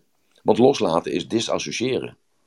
En als je niet kan loslaten, waar ligt dat hem dan in? Dat ligt in jou. Dat ligt in jou. Want, je, want jij dus accepteert, niet, de, accepteert de ander niet dat hij zijn, zijn plan loopt. Oké. En, en of dat, dat, dat grote geheel, dat bepaalt dat gewoon. Er, is, er zijn dingen, daar, daar, kijk, dat toeval, het toeval valt je toe. Hè? Dus het, het toeval valt je toe. Het valt jou toe. En jij bepaalt wat je ermee doet. Hè? Dus eh, ja, je, je bent eh, net die minuut op dat moment op dat kruispunt. En op dat moment rijdt er net iemand eh, onder invloed van drugs of alcohol rijdt door het rode licht heen en je bent er geweest. Eh, is dat jouw verantwoordelijkheid? Of is dat een plan? Is dat jouw plan of is het een plan van bovenaf aan? Ja, die is moeilijk. Eh, Nee, dat is niet moeilijk, dat is een plan van boven, want je hebt er niet voor gekozen. Oké, zo simpel kun je het maken, zeg Ja maar. zo, simpel, ja, zo simpel kun je het maken. Dus er is niks interessants meer aan. Dus zo simpel is het dan. En jij hebt daarnaast je eigen plan. En jouw eigen plan is dat je een carrière wil maken. En dat je, je- dat je naar school toe gaat, want je bent een kind en je bent eh, 16 of 17 jaar. En je hebt je eigen leven. Je hebt net een vriendinnetje, je bent voor de eerste keer ben je verliefd. En, en ja, dat vul allemaal maar in. Zo, dus een kind is heel flexibel, noemen ze dat. Waarom is een kind flexibel? Hij weet gewoon van nature dat hij, dat hij los moet laten. Want zijn leven gaat verder, hij heeft nog een heel leven voor zich. Daarom is het tegen natuurlijk dat een kind overlijdt. Dus dat is dan weer, dat is, dat is tegen natuurlijk. Dat is, dat is ook een overtuiging. Dat de jongere eerst, dat de jongen eerst gaat voor de oude. Zo, dat is een overtuiging. Dus die moet je loslaten, er is een plan. Zo, en als je er op die manier naar kijkt, want het gaat altijd, het gaat om jou. Ik heb het daar elke keer over. Ik heb het alleen over, over jou. Dat, het gaat om jou, jouw kwaliteit van leven. dat jij goed in je vel zit. Dat jij kunt produceren. Dat jij kunt manifesteren. Dat jij je goed voelt. Dat jij naar buiten een voorbeeld kan zijn voor andere mensen. Dat jij dat één leven kunt redden wat op jou wegkomt. En daardoor, daardoor, daardoor hoe heet dat, heb je de hele samenleving gered. Zo, dus, dus wat is jouw plan? En als jij je plan hebt, dan, dan loop jij je plan af. Misschien dan enige vertraging. En zoals ik dat uitleg, dan weer de metafoor van ik ga naar Thailand toe. Dus in plaats van vandaag over zeven maanden, zit ik vandaag over twee maanden. Ja, dat, dat, dat red ik praktisch niet. Maar ik heb wel een uitzicht van dat ik dat ga doen. Dus ik haal, het plan, ik haal mijn plan naar voren. Ja, ja mooi. Ja? Ja ik, ja, ik snap het nu wat beter, zeker. Dankjewel. Zo, dankjewel. Oké, goed. Roelof, dank je wel. Dus dat is het, het hatelijke daar elke in. Hè? Dus, dus daarom is het ook belangrijk in dat plan dat je je kernkwaliteiten weet. Dus jij moet weten wat je kernkwaliteiten zijn. Dus uh, Mirjam die weet van haarzelf dat ze goed kan organiseren, ik noem maar wat. Dus uh, Mirjam weet van dat zij een, heel empathisch uh, persoon is. Dat weet ze van zichzelf. Nou, zo kan ik er nog wel tien opnoemen, maar dat doe ik niet hier. Zo, de, dus zij weet dat. Dus als morgen haar alles afgenomen wordt, ja, ze wordt alles afgenomen. Denk je dan dat ze in een situatie belandt waar zij kan organiseren voor andere mensen? Jazeker. Want die mensen zijn noodzakelijk. In elke structuur zijn mensen noodzakelijk die dus kunnen organiseren. Dus haar kernkwaliteit komt in die naaktheid. Hè, dat andere franje is weg. Komt juist in haar naaktheid. Komt die kernkwaliteit naar boven. Dat ze en empathisch is. En dus of kiest zij ervoor in de luxe van vandaag. Kiezen of ze er kapot aan gaat. Dus in de depressie komt. Of in de luxe van vandaag neemt ze beslissing, ik ga omhoog. Maar dus in de luxe, als er geen luxe is, dus alles wordt je afgenomen, dan is er maar één weg. En als de weg is, geen depressie, maar is omhoog. En dat betekent no pain, no gain. Dus als er geen keuze is, kies je altijd voor het licht. Als je voor jezelf hebt leren kiezen. Ja. Begrijpt iedereen dat nu? Even heel koud uitgekleed. Ja, denk dat het een hele, ja, voor mij wel een hele duidelijke stelling, inderdaad. Ja, dus het gaat om jouw plan. Jij moet, ik heb mijn plan. Jij hebt jouw plan. Iedereen heeft zijn plan. Dus de laatste keer in mijn huwelijk, mijn ex had een plan. En dat ex was gewoon, die had een plan van: oké, ik moet zorgen dat ik financieel verzorgd achterblijf. Want die was 35. En die dacht: ik denk aan mijn pensioen. Dus ik moet kinderen hebben. Dan wordt het tenminste voor mij gezorgd de komende 25 jaar. Zo. Maar ik als kerel zijnde kan dat niet bedenken. Dus dat is het verschil tussen man en vrouw. Dus daarom zeg ik altijd, er is geen gelijkheid. Een man denkt anders dan een vrouw. Een man doet andere dingen als een vrouw. Een man kan een kind verwekken en een vrouw kan een kind krijgen. Dus daar ben ik heel, heel uh, uh, rigide in. Ja, dat is het woord. Ik ben daar heel rigide in. En uh, dus zij had een plan. En ik, ja, ik had mijn plan vervaagde, omdat zij haar plan heel duidelijk had gesteld. Dus ik ging erin met boter en suiker. En, dus ik ben niet kwaad. Maar ik dacht bij mezelf, het is een bewijs van mijn stelling. Ik was mijn plan vergeten. In de verliefdheid was ik mijn plan vergeten. En zij stelden het zich allemaal zo mooi voor. Kindjes moesten komen, dit, dat, zus en zo. En ik heb jullie ook verteld dat ik op een zeker moment dat ze zei... ja, we kunnen alleen onze relatie redden als wij uh, nog in gemeenschap van goederen trouwen. En toen dacht ik bij mezelf, dat is dan het laatste hulpmiddel, dat moet ik dan gaan doen. Dus ik naar de notaris, ik zeg, moet luisteren. Ik zeg, zij wil alleen nog maar één ding, en dat is dat we in gemeenschap van goederen trouwen. Jullie weten wat dat is, hè? Dus dat, dat, dat, wat, zij heeft niks en ik heb alles, dat alles wordt in één keer 50-50. Dus we krijgen alle twee de helft. En toen zei de notaris, die zei, daar werk ik niet aan mee. Nou, dat verhaal wat erachter zit, want hij had dat nooit mogen zeggen tegen mij. Maar er zat een verhaal achter. En daar kwam ik dus jaren later kwam ik daarachter wat het verhaal was wat erachter zat. Dat hij dat tegen mij zei, daar werk ik niet aan mee. Want de notaris mag niet zeggen, ik werk daar niet aan mee. En, en zo is het gelopen. Zij had een plan en ik had geen plan. Dus ik was reddeloos verloren. En in de weerstand hebben we me kapot gevochten, hebben me miljoenen gekocht, gekost. Maar zij had een plan. Zij wist waar ze mee bezig was. Ja. En, toen, en toen stapte mijn zoon, die had een plan. Die was negen jaar en die had een plan. Die was vanaf vier jaar had hij een plan. En toen hij negen jaar was, heeft hij zijn plan ten uitvoer gebracht. En, en wederom stond ik versteld. Hoe kan dat nou? Dat een kind van, van negen jaar een plan heeft. En maar had hij al toen hij vier jaar was, had hij al een plan. En hij had de moed en de inventiviteit en de kracht om het te doen. Gewoon. En daarom is dat zo mooi. Dat die rechter zei, eigenlijk was er een keer een rechter die luisterde naar een kind. En niet alleen naar haar. Hè? En dat, dat hij zei, ik heb naar het kind geluisterd. Het kind loopt weg. En het kind heeft tegen mij gezegd: Ik wil bij papa wonen, want papa vindt het goed dat ik naar mama toe ga. En als ik bij mama woon, die vindt het niet goed dat ik naar papa ga. Zo. Dus, en, en toen heb ik mijn plannen weer bijgesteld. Dus ik heb me laten leiden gedurende een paar jaar door het plan van iemand anders. Daardoor ben ik mij verloren. En als je kijkt naar mijn carrière, mijn carrière ging naar beneden. Mijn financiële status ging naar beneden. Mijn aanzicht naar mezelf, mijn zelfrespect ging naar beneden. Alles, alles verloor ik. Alles verloor ik. En nu zeg ik van dat is het beste wat me is overkomen. Het is het beste wat me is overkomen, want ik ben meer mens geworden. Ik ben weer mens geworden. Niet meer, maar ik ben weer mens geworden. Ja. En je kernkwaliteiten, net, je zei dat net zo mooi, juist in de naaktheid komen je, je kernkwaliteiten naar boven. Ja. Dat, ja, zo is het zo. Want, het is want je weet het wel. Het is, ja, het is zo inderdaad, ja. Want die afleiding door het stoffelijke, de, de drugs, daarom zei ik de vorige keer van met drugs, er komt zoveel ton komt er binnen. Ja, we weten allemaal dat op de banken wordt gebloot en gesnoven en gesneden en gespoten. We weten dat het op de beurs gebeurt. We weten dat gewoon bij de ambtenaren dat veel gebeurt. We weten, we weten gewoon de, precies waar eh, de artiestenwereld gebeurt het ook. dus uh, ik verzet mij daar altijd tegen. Ik uh, bel ook de hoofdredacteur van de, bijvoorbeeld van de Telegraaf op om te zeggen van je moet geen artikel plaatsen over die Gordon. Die zit gewoon aan de rotzooi. En, dat, en dan is hij er weer vanaf. Ik zeg dus wat moet je je voorstellen dat al die mensen die aan de rotzooi zitten, die zeggen ah ja, maar die Gordon gebruikt. En als je er vanaf wil, dan gaat hij even in de kliniek, dan is hij er weer vanaf. Dus nou, ik snuif maar even door. Ik zeg, dat moet je niet plaatsen. Ik zeg, je moet alleen plaatsen als ze de dood aan gaan. Dan moet je plaatsen. Dat ze dus gewoon uh, dat ze niet meer kunnen produceren. Dat is de afleiding. Dus mensen zoeken een afleiding, omdat ze de realiteit niet aan kunnen. Totdat er geen poen meer is om die rotsen te kopen. En dan, dan, dan, dan ben je de lul. Dan ga je voor gaas.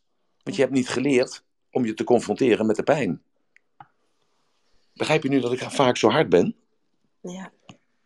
Ja. Annemiek? Ja, zeker weten. En dat, Ja, ja. En dat, ik heb je, dat kun je zelf niet, eh, niet opbrengen. En dan is het inderdaad van, van extern, dan moet het van buiten komen om die hardheid Ja. op je af te krijgen, om daar bij te komen. Ja, Dus, dus ik had een vriendje die liet zich opereren, die, eh, die, wilde afvallen. En eh, ik zei, waarom laat jij je opereren? Waarom vraag je niet aan mij? Ik ben toch je vriendje? Hij zei, jij, jij kunt me ook niet helpen. Ik zei, waarom heb je het mij al gevraagd? Nee, zei, ik vraag het niet, maar ik neem dat makkelijker weg. Ik laat, me, zo, ik laat mijn maag verkleinen. Ja? En maag verkleinen wil zeggen, je laat een stuk van je darm afhalen. Als je een stuk van je darm af laat halen, wil zeggen dat er een stuk van het, eh, dat er een groot gedeelte van de vitamines niet meer opgenomen kunnen worden. Want elk stukje van de darm heeft een functie om bepaalde vitamines uit het eten te halen. Dat weten de meeste mensen niet, maar dat, zo is het. En dus die persoon heeft zich laten opereren. En die moet de rest van zijn leven, moet hij dus vitaminepreparaten en nog andere preparaten slikken. Dat moet hij blijven slikken de rest van zijn leven. Dat kost ongeveer een kleine 500 euro in de maand. Hij zegt, jij bent er toch voor verzekerd? Ik zeg, en als de verzekering ophoudt te betalen, vanwege bezuiniging, wat dan? Hij zei, ja, die 500 die verdien ik altijd wel. Ik zeg, oh ja, je denk jij dat het dan zo blijft zoals het vandaag is? We praten het eh, twee jaar geleden. Hij zei, ik weet zeker dat het alleen maar beter gaat. Ik zeg, nou, dan moet je daaraan vasthouden. Ik zeg, wat voor plan heb jij dan? Hij zegt, dat ik weet dat het economisch beter gaat en daar speculeer ik op. Ik zeg, hoor je wat je zegt? Je speculeert erop. Wat wil speculeren zeggen? Je kunt alles verliezen en je kunt alles winnen. Dat is gokken. Dat is niet je verstand gebruiken. Dat is geen plan. Dat hangt dan af van het balletje, zoals het balletje terechtkomt in de roulette. Nou, daar hou ik helemaal niet van. Gewoon nadenken met je kop en een plan maken. Maar je, je hebt gezien dat ik dus ook in de fout ga. Hè? Dat is het, het, het, Ja. daarom, niets menselijks is mij vreemd. nee, Dus ik ben in de fout gegaan. Ja, maar ik ben fout gegaan met de koffie, hè, gedurende 20 dagen. En ik heb me dus hier ook dus door het plan laten leiden van iemand anders. Want mijn verstand Ja. zat dus niet in mijn hoofd, maar mijn verstand zat ergens anders. Ja, ik zie dat Roelof eh, zich unmute heeft. Eh Roelof, wilde jij reageren? En dan gaan we even naar jou hoor, Annemarie. Nee, ik wou net zeggen, en Hamid, hè, Hamid? Ja, Nou, nou, nou, ik- ik zag, eh, nee, ik heb hem per ongeluk geunmute. Ik weet niet hoe dat kan, dus sorry. nou, geeft helemaal niks. Hey, dan gaan we door naar Annemarie. Goedemorgen. Goedemorgen allemaal. Nou, eh, ja, ik wilde toch even reageren inderdaad. Als je in de penarie zit, dan heb je natuurlijk heel veel moed nodig om daar doorheen te komen. Ik heb zelf eh, ook eh, een aantal dingen in mijn leven meegemaakt, ook eh, zakelijk. En dan stond ik ook vaak op een keerpunt van, ja, ga ik door of hak ik de knoop door? En dat heb ik verschillende keren gedaan, wel drie keer. Dus ik heb er aardig ervaring in. En ja, dat laatste stukje, ik ben nu bezig met het laatste stukje van de laatste crisis om dat op te lossen. En dat is toch wel een stukje financieel. En ja, dat is toch wel, uh, door al die dingen wat ik heb meegemaakt, is dat eigenlijk wel een stukje wat ik graag wil loslaten.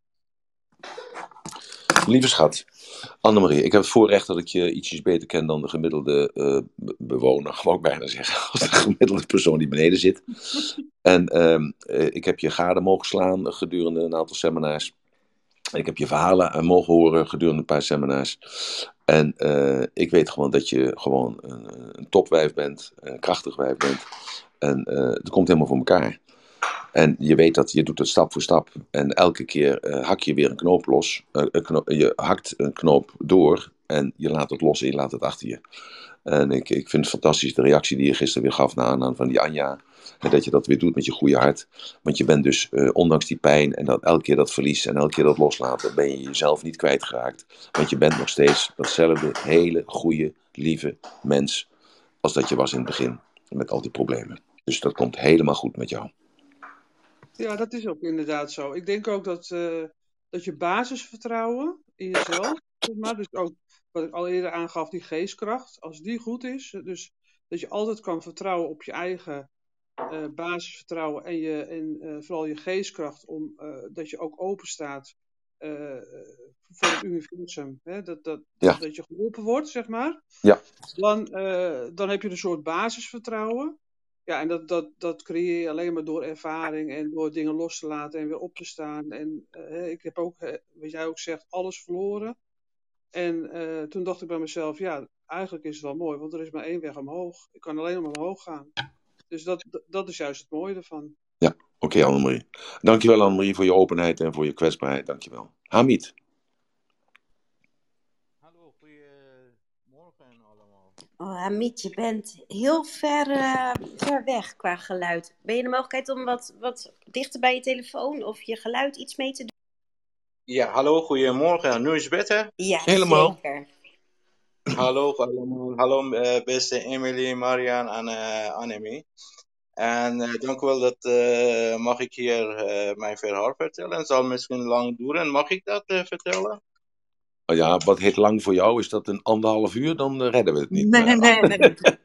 nee, ik wil mijn verhaal om mij een beetje kennen. Ja. Ik ben Nederlands-Iranier en ik ben vanaf 92 in Nederland gekomen door de oorlog van Saddam Hussein.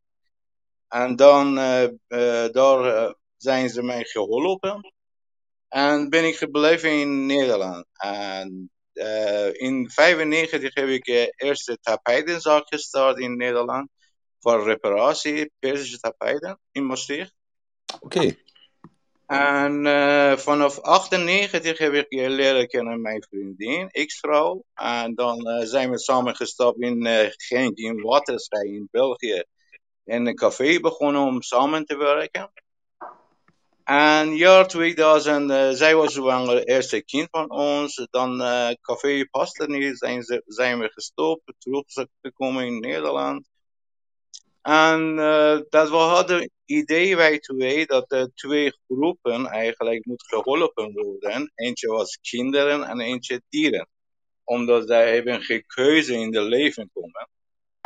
En hadden we een stichting opgericht en dan uh, waren we uh, voor de dieren en kinderen helpen. En jaar 2004 met eerste plichtkind zijn we gestart. Wij waren in crisisomvang in Maastricht uh, en dan met de stichting NIDOS geholpen, gewerkt. En in 13 jaar tijd, wij hadden altijd 10 kinderen binnen, altijd crisisomvang. Dat de twee van die kinderen zijn we geadopteerd eigenlijk, is het onze kinderen geworden. En in de toestand hadden we zelf ook vier kinderen. En uh, was alles goed. En dan uh, moet je voorstellen, altijd, altijd een baby thuis. Elke drie uurtjes moet voeding of uh, wisselen en die soort dingen. Hadden we heel intensief bezig in die richting. En tot 2015 eigenlijk, wij, wij zagen eigenlijk geen beetje slecht. Omdat hadden we weinig tijd met mijn ex-vrouw om samen meer praten of meer el elkaar kennen. En dan ging een beetje tussen ons slecht.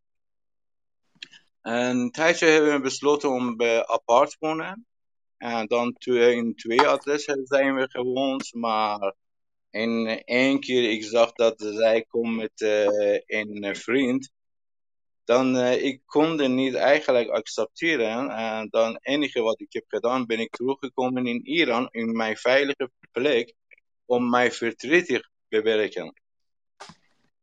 En uh, nu eigenlijk zit ik heb het, uh, vier kinderen met mijn ex-vriend, of mijn ex-vrouw, maakt niet uit. En dan twee, twee kinderen. Toen, wij hebben zes kinderen eigenlijk samen.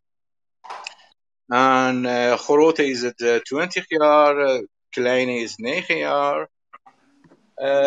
nu is het probleem wat ik kan niet loslaten eigenlijk, die, die, op die, die beslissing. Wat, wij hebben bureaus besloten om de kinderen helpen.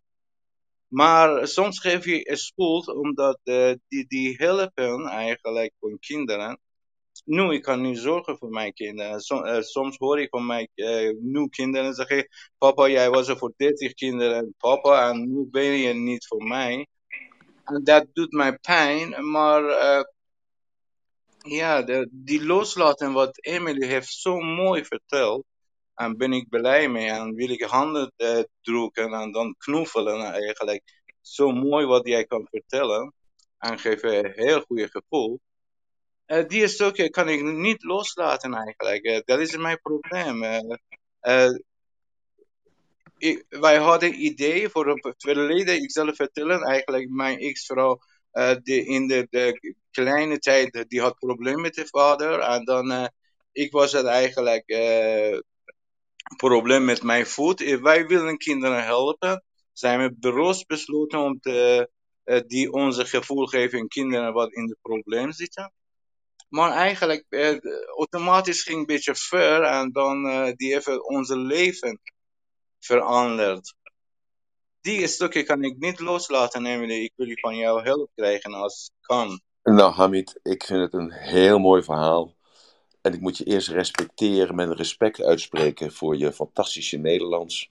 En ook eh, voor jouw fantastische kwetsbaarheid, dat je gewoon zo dat allemaal durft te zeggen en kunt zeggen en zo duidelijk kunt zeggen en zo op kunt bouwen. Hè, dat je vanaf 1992, dus een kleine 19 jaar geleden, dat je dan hier gekomen bent.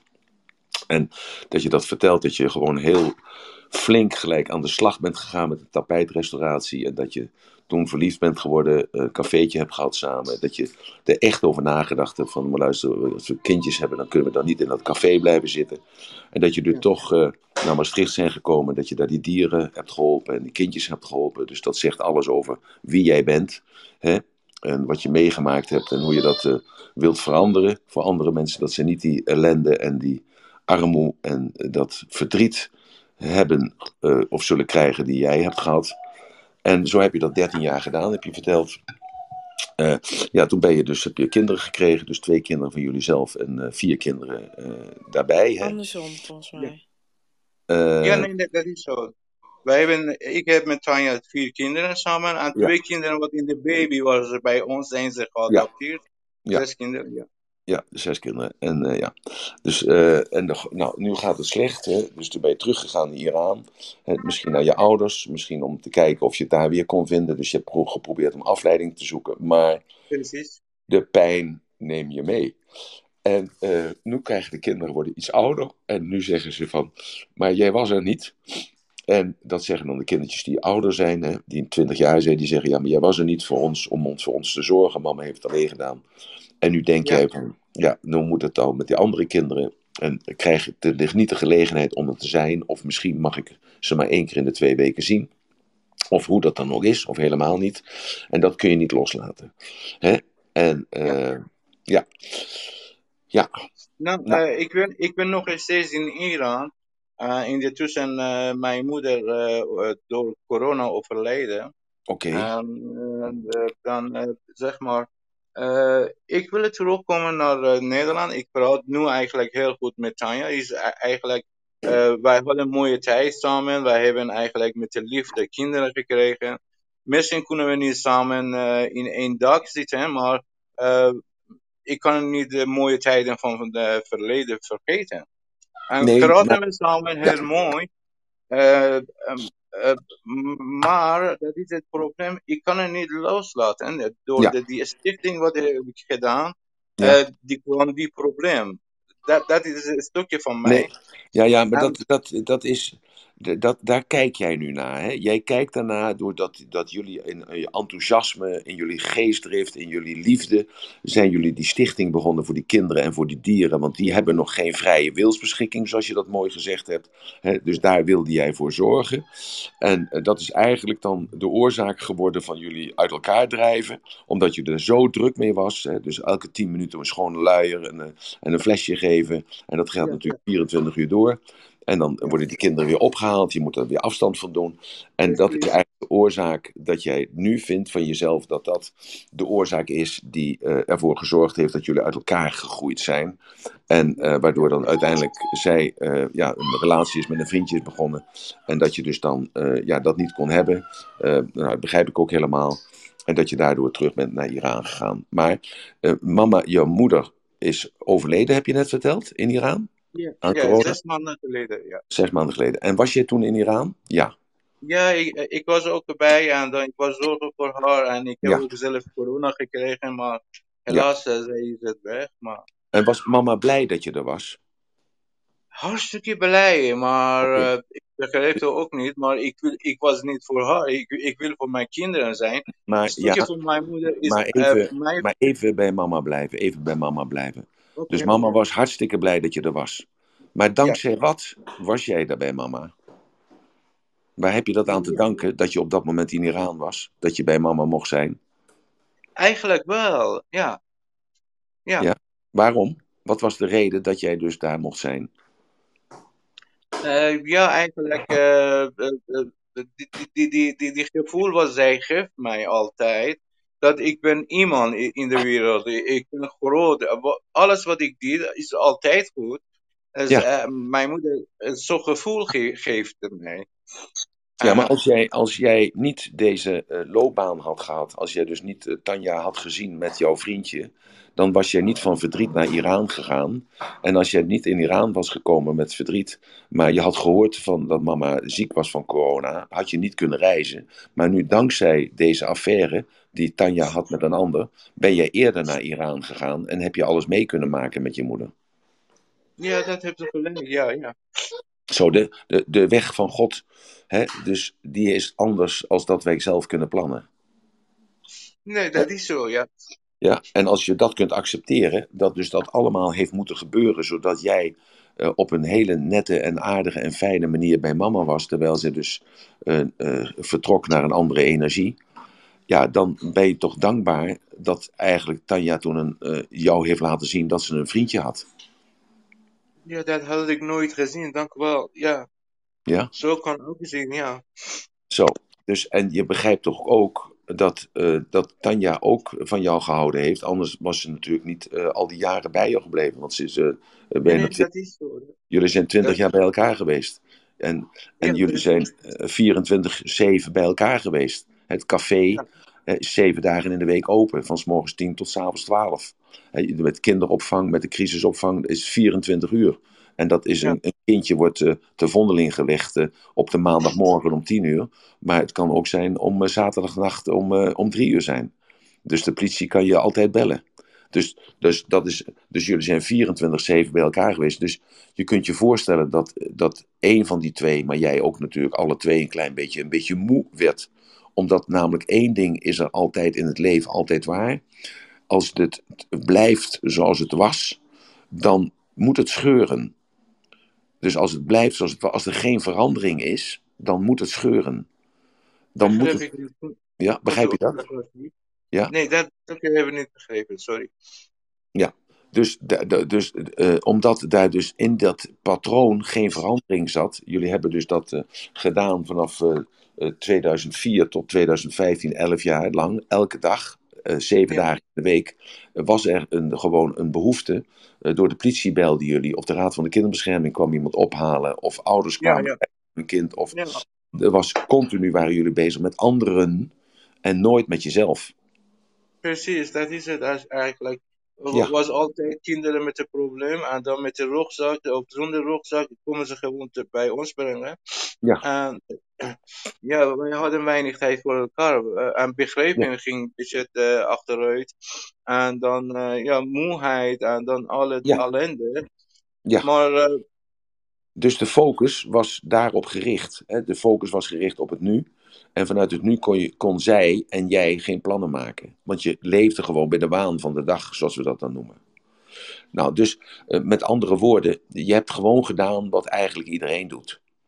Dus je bent met elkaar samen en je vergeet dat er ook gewerkt moet worden aan het houden van. Je bent vergeten om een keer een complimentje te maken. Zij is vergeten om jou een keer lekker te verwennen. Jij bent vergeten, maar dat is niet een, niet een verwijt naar hem of een verwijt naar jou. Dat loopt zo zoals het loopt als je bezig bent met je ideaal. Dus dat is altijd zo. Daarom zeggen ze ook, eh, de heilige mannen of vrouwen moeten dus in celibaat leven. Omdat zij zich moeten wenden tot het algemeen, want ze zijn getrouwd met Allah of ze zijn getrouwd met God. Zo, dus even terug naar dat loslaten. Je kunt het niet loslaten. Hè? Dus je hebt met Tanja nu weer een gesprek. Je kunt haar bellen en ze kan praten met jou. ja, Je denkt van, nou, we kunnen niet meer samenleven, maar eigenlijk hoop je dat. Eigenlijk. Ja? Nou, dat is het eigenlijk. eh, zij, zij vragen altijd, eh, de laatste twee jaar, wa- wat ben ik teruggekomen in mijn veld. De eerste twee jaar, ik wilde geen contact. Eh, die was ik met mijzelf werken aan haten en van eh, alles wat bij mij komt. Maar langzaam heb ik gewerkt dat zij heeft ook leven. Dus ik, ik was niet klaar, ik was niet voldoende van haar. Daarom heeft iemand anders gekozen. Oké, dat is accepteerd.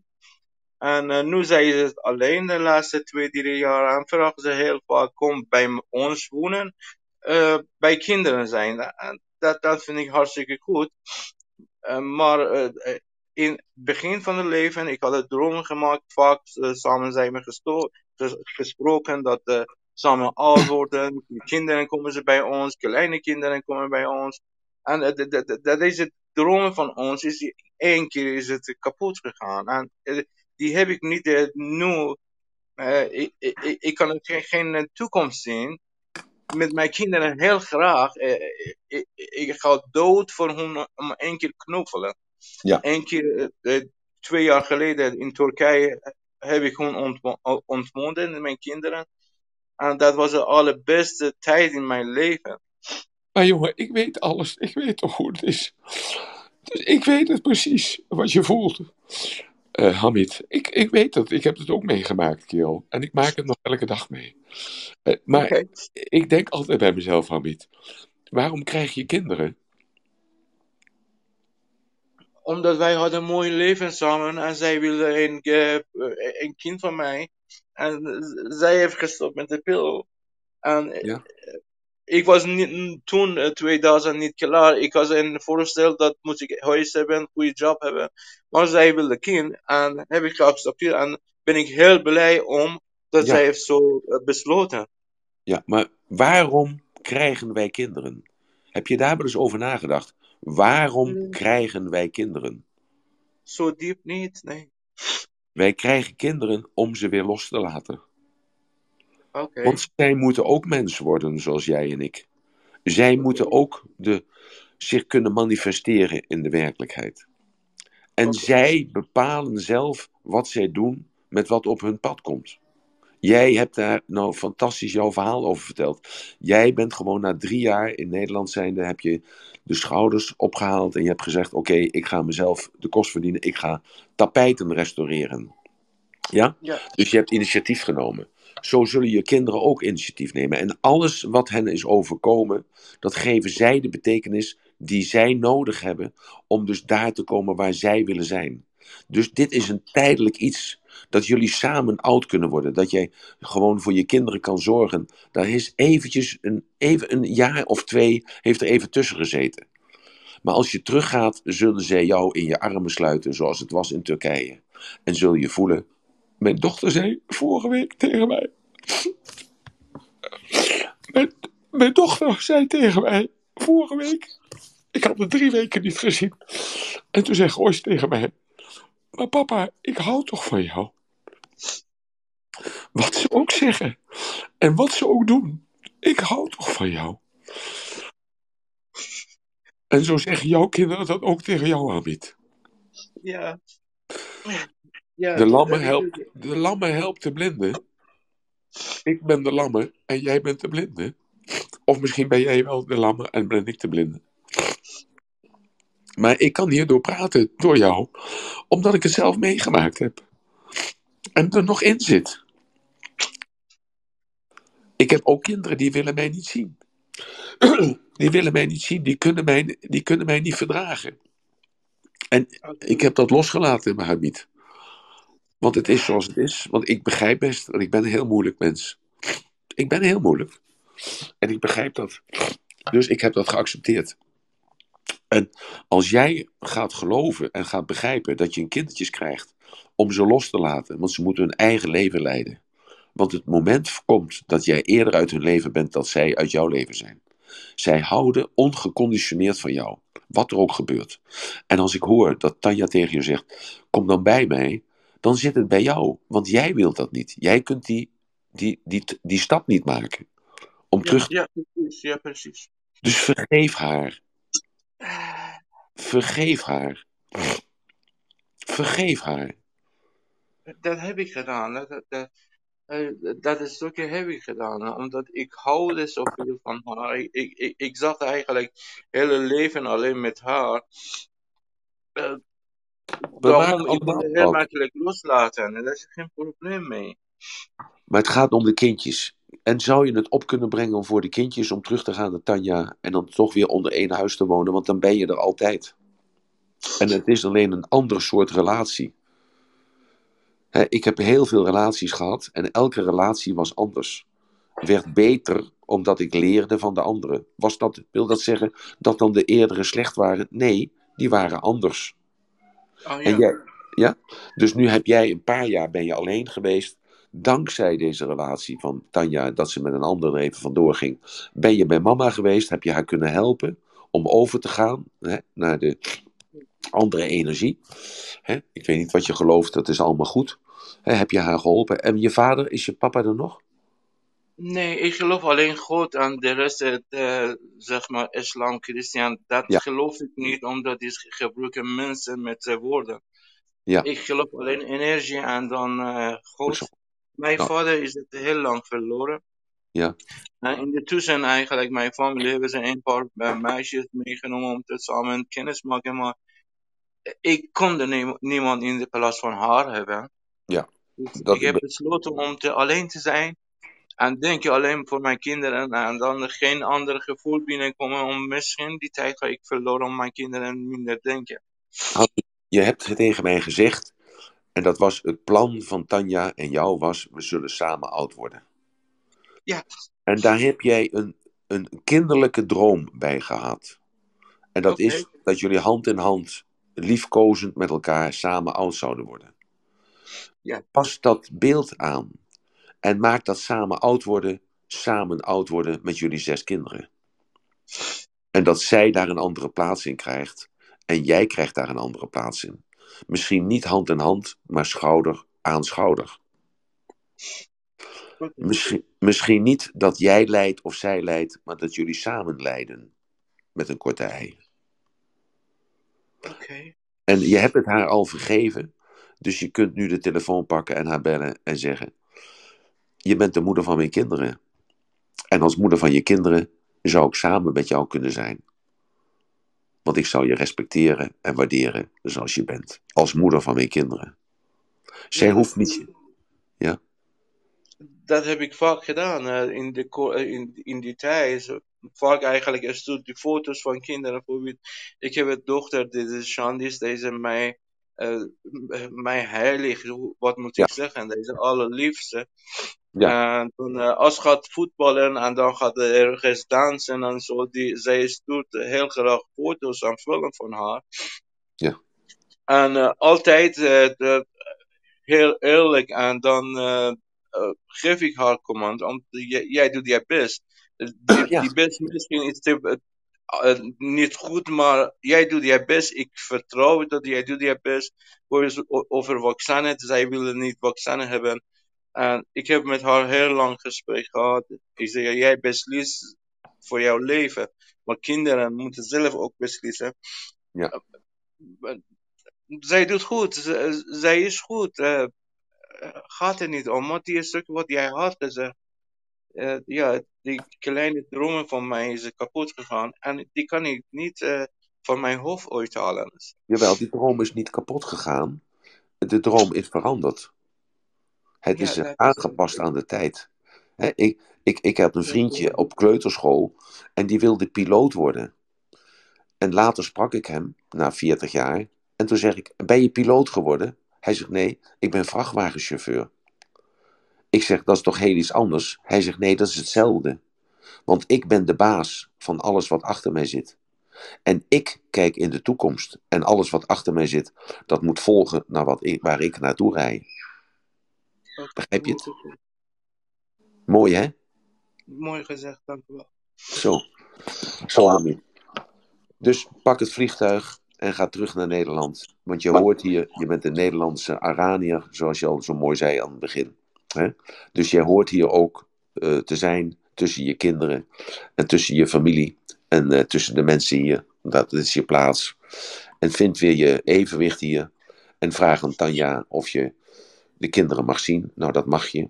Ik heb hele tijden, jaren, dat ik mijn kinderen niet mocht zien.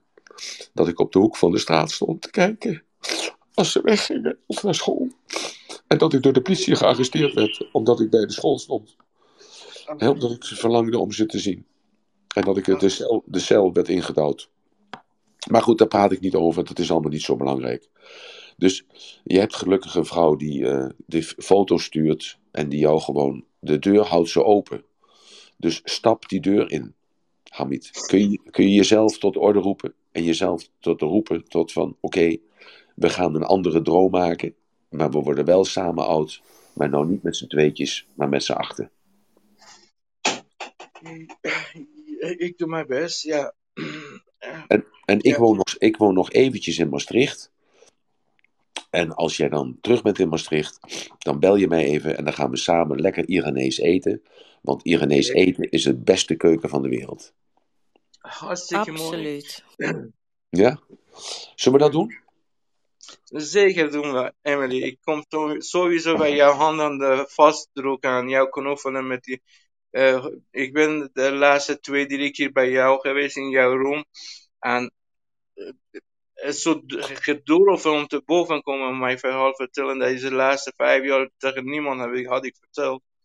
Eh, dat heb jij gedaan. En dan, ik kon me nu een beetje eigenlijk uithuilen. Een beetje loskrijgen. En, We zijn mannen, dank wel. maar we zijn ook kwetsbaar. Hamid, dankjewel voor de moed en voor de kracht. Dat je liet zien wie je bent. En eh, je weet, je kunt mijn telefoonnummer krijgen als je een mailtje stuurt naar, Ja. dat zal eh, Mirjam je wel vertellen, want dat, eh, dat weet ik nooit. En dan, als je dan hier in Nederland bent, dan, dan kun je gewoon me bellen en dan kom ik je ontmoeten. En dan gaan we samen, niet met z'n tweetjes, maar dan met Tanja erbij en met de kinderen. Dus met z'n met z'n allen en mijn, en mijn zoon, mijn twee kindjes er ook bij. Dan gaan we met z'n tien of met z'n twaalf lekker Iranees eten. Afgesproken. En Mirjam erbij, die, Hartstikke mooi. En eh, Hartstikke Mirjam erbij, die kan Mirjam mij vertellen wat voor een eten ik uit moet zoeken. Ja, Ja? is goed. Dank u wel. Dankjewel, wel. Ik hou van jou, mooi. Ik hou van jou. Dankjewel, Hamid. Ik En je bent niet, en je wel. bent niet, je bent niet alleen, Hamid. Denk er goed aan, hè? Je bent samen, altijd. Hartstikke fijn om te horen. Dank u wel. Jeetje, Bedankt voor allemaal. Ja, Hamid, dank Sorry je voor mijn- wel. Dank je wel. En zo mooi dat jij hier je verhaal hebt gedeeld en dat wij daar eh, met elkaar mochten meeluisteren. En eh, ja, Emiel, het is inmiddels, we zijn een aardig tijdje verder. We hebben bijna kwart voor elf op de klok. Ja. En ik, eh, ik Ja. zag net dat Mark en John wilden reageren, maar misschien dat we even moeten overleggen omwille van de tijd. En ook, hè, morgen gaan we natuurlijk weer verder. Ehm, wat zullen we doen? Nog eventjes korte ruimte voor Mark en Jawel, John? ja, ja, ja, ja, dat wil ik wel. En Iedereen Ja. die wil gaan, die mag gaan natuurlijk. Maar ik eh, wil eh, Ja. gewoon respect betuigen aan de mensen die Ja. eh, altijd gewacht hebben. Eh, het is zaterdag, dus ik, eh, mensen zijn aan het werk moment. Dus ik kan maar even. Helemaal goed. Oké. Mark, goedemorgen. Wat wilde jij eh, met ons delen? Ja, heel goedemorgen. Ja, ik, ik heb het pas eigenlijk, uh, ik luister pas eigenlijk net mee. Uh, ik ben uh, op dit moment onderweg met de auto, dus voor mijn werk. Dus ja, ik heb niet veel tijd gehad, maar ik, ik had één vraag eigenlijk aan Emiel. Is het thema van morgen eigenlijk, is, is dat al bekend? Nee, is nog niet bekend, Mark. Nou, ik, ehm, ik wou het vragen of je het thema twijfel eens een keer zou kunnen behandelen. Oh ja, twijfelen, ja, is goed. Heel goed.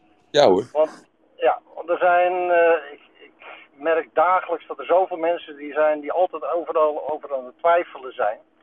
Ja. En uh, ik probeer ze dan te overreden. En uh, dat lukt meestal wel. Ja. Maar dan een dag later komen ze er toch weer op terug, want dan vallen ze toch weer in de twijfel. En waardoor komt dat nou? Nou, dat weet ik wel precies. Dat is goed. Gaan we morgen over hebben. Nou, ik ben heel benieuwd. Oké, okay, Mark. Dankjewel. Dank je dankjewel, fijne dag. Oké. Okay. Dankjewel, Mark. En John, goedemorgen. Goedemorgen. Uh, ik was mijn uh, appartementje aan het poetsen met tranen in de ogen van het verhaal van uh, Hamid en uh, ja, van Emil ook natuurlijk.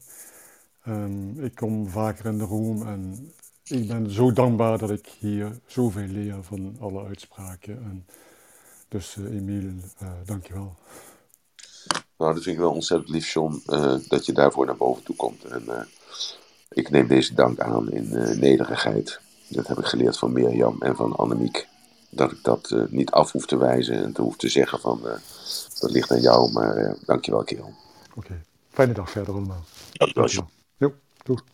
Ja, dankjewel, John. En ontzettend mooi dat je dit met ons deelt ook. Want ik denk dat je, nou in ieder geval namens mij, maar ook namens een heleboel mensen in de room, de woorden deelt die wij voelen. Dus dank je wel nogmaals. En ja, ik denk dat we hiermee met een, ja, aan een einde zijn gekomen van een prachtige room, Emiel. En ja. ja, wat is het een mooi onderwerp. En ook zo, ja, hier kan je denk ik nog wel heel veel tijd verder over praten. En uh, ja, we gaan voor vandaag denk ik richting de afronding en een ja. mooi ratelbandje. En met dank aan Mark al het, het onderwerp voor morgen dat we hebben. Ja, uh, dat, dat, uh, oké, okay, als iedereen het ermee eens is met die twijfelen, hè, dus twijfelen, uh, ja.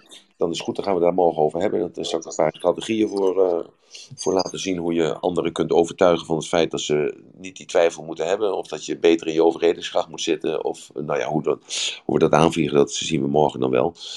ja, ik, ik, denk dat Hamid was een fantastisch, Hamid, dank je wel nogmaals, dat je helemaal vanuit Iran dus gewoon zo duidelijk verstaanbaar bent. En dat, dus zo zie je dat de universele boodschap uh, wordt letterlijk gezegd ook. Het is universeel, het geldt voor alles en voor iedereen. En daarom vraag ik aan iedereen ook om, uh, om morgens iemand uit te nodigen om mee te luisteren met jou. waarom? want kijk, ik wil graag groeien. En waarom wil ik graag groeien? Zodat ik meer mensen naar boven krijg. Want het zijn de verhalen van de mensen zelf die dus het, uh, het beste ook in mij wakker maken. En je ziet elke keer, ik word ook heel emotioneel. Want ik ben ook gewoon mens zoals jullie. En ik heb die technieken wel in huis. Maar ik vergeet af en toe ook die techniek.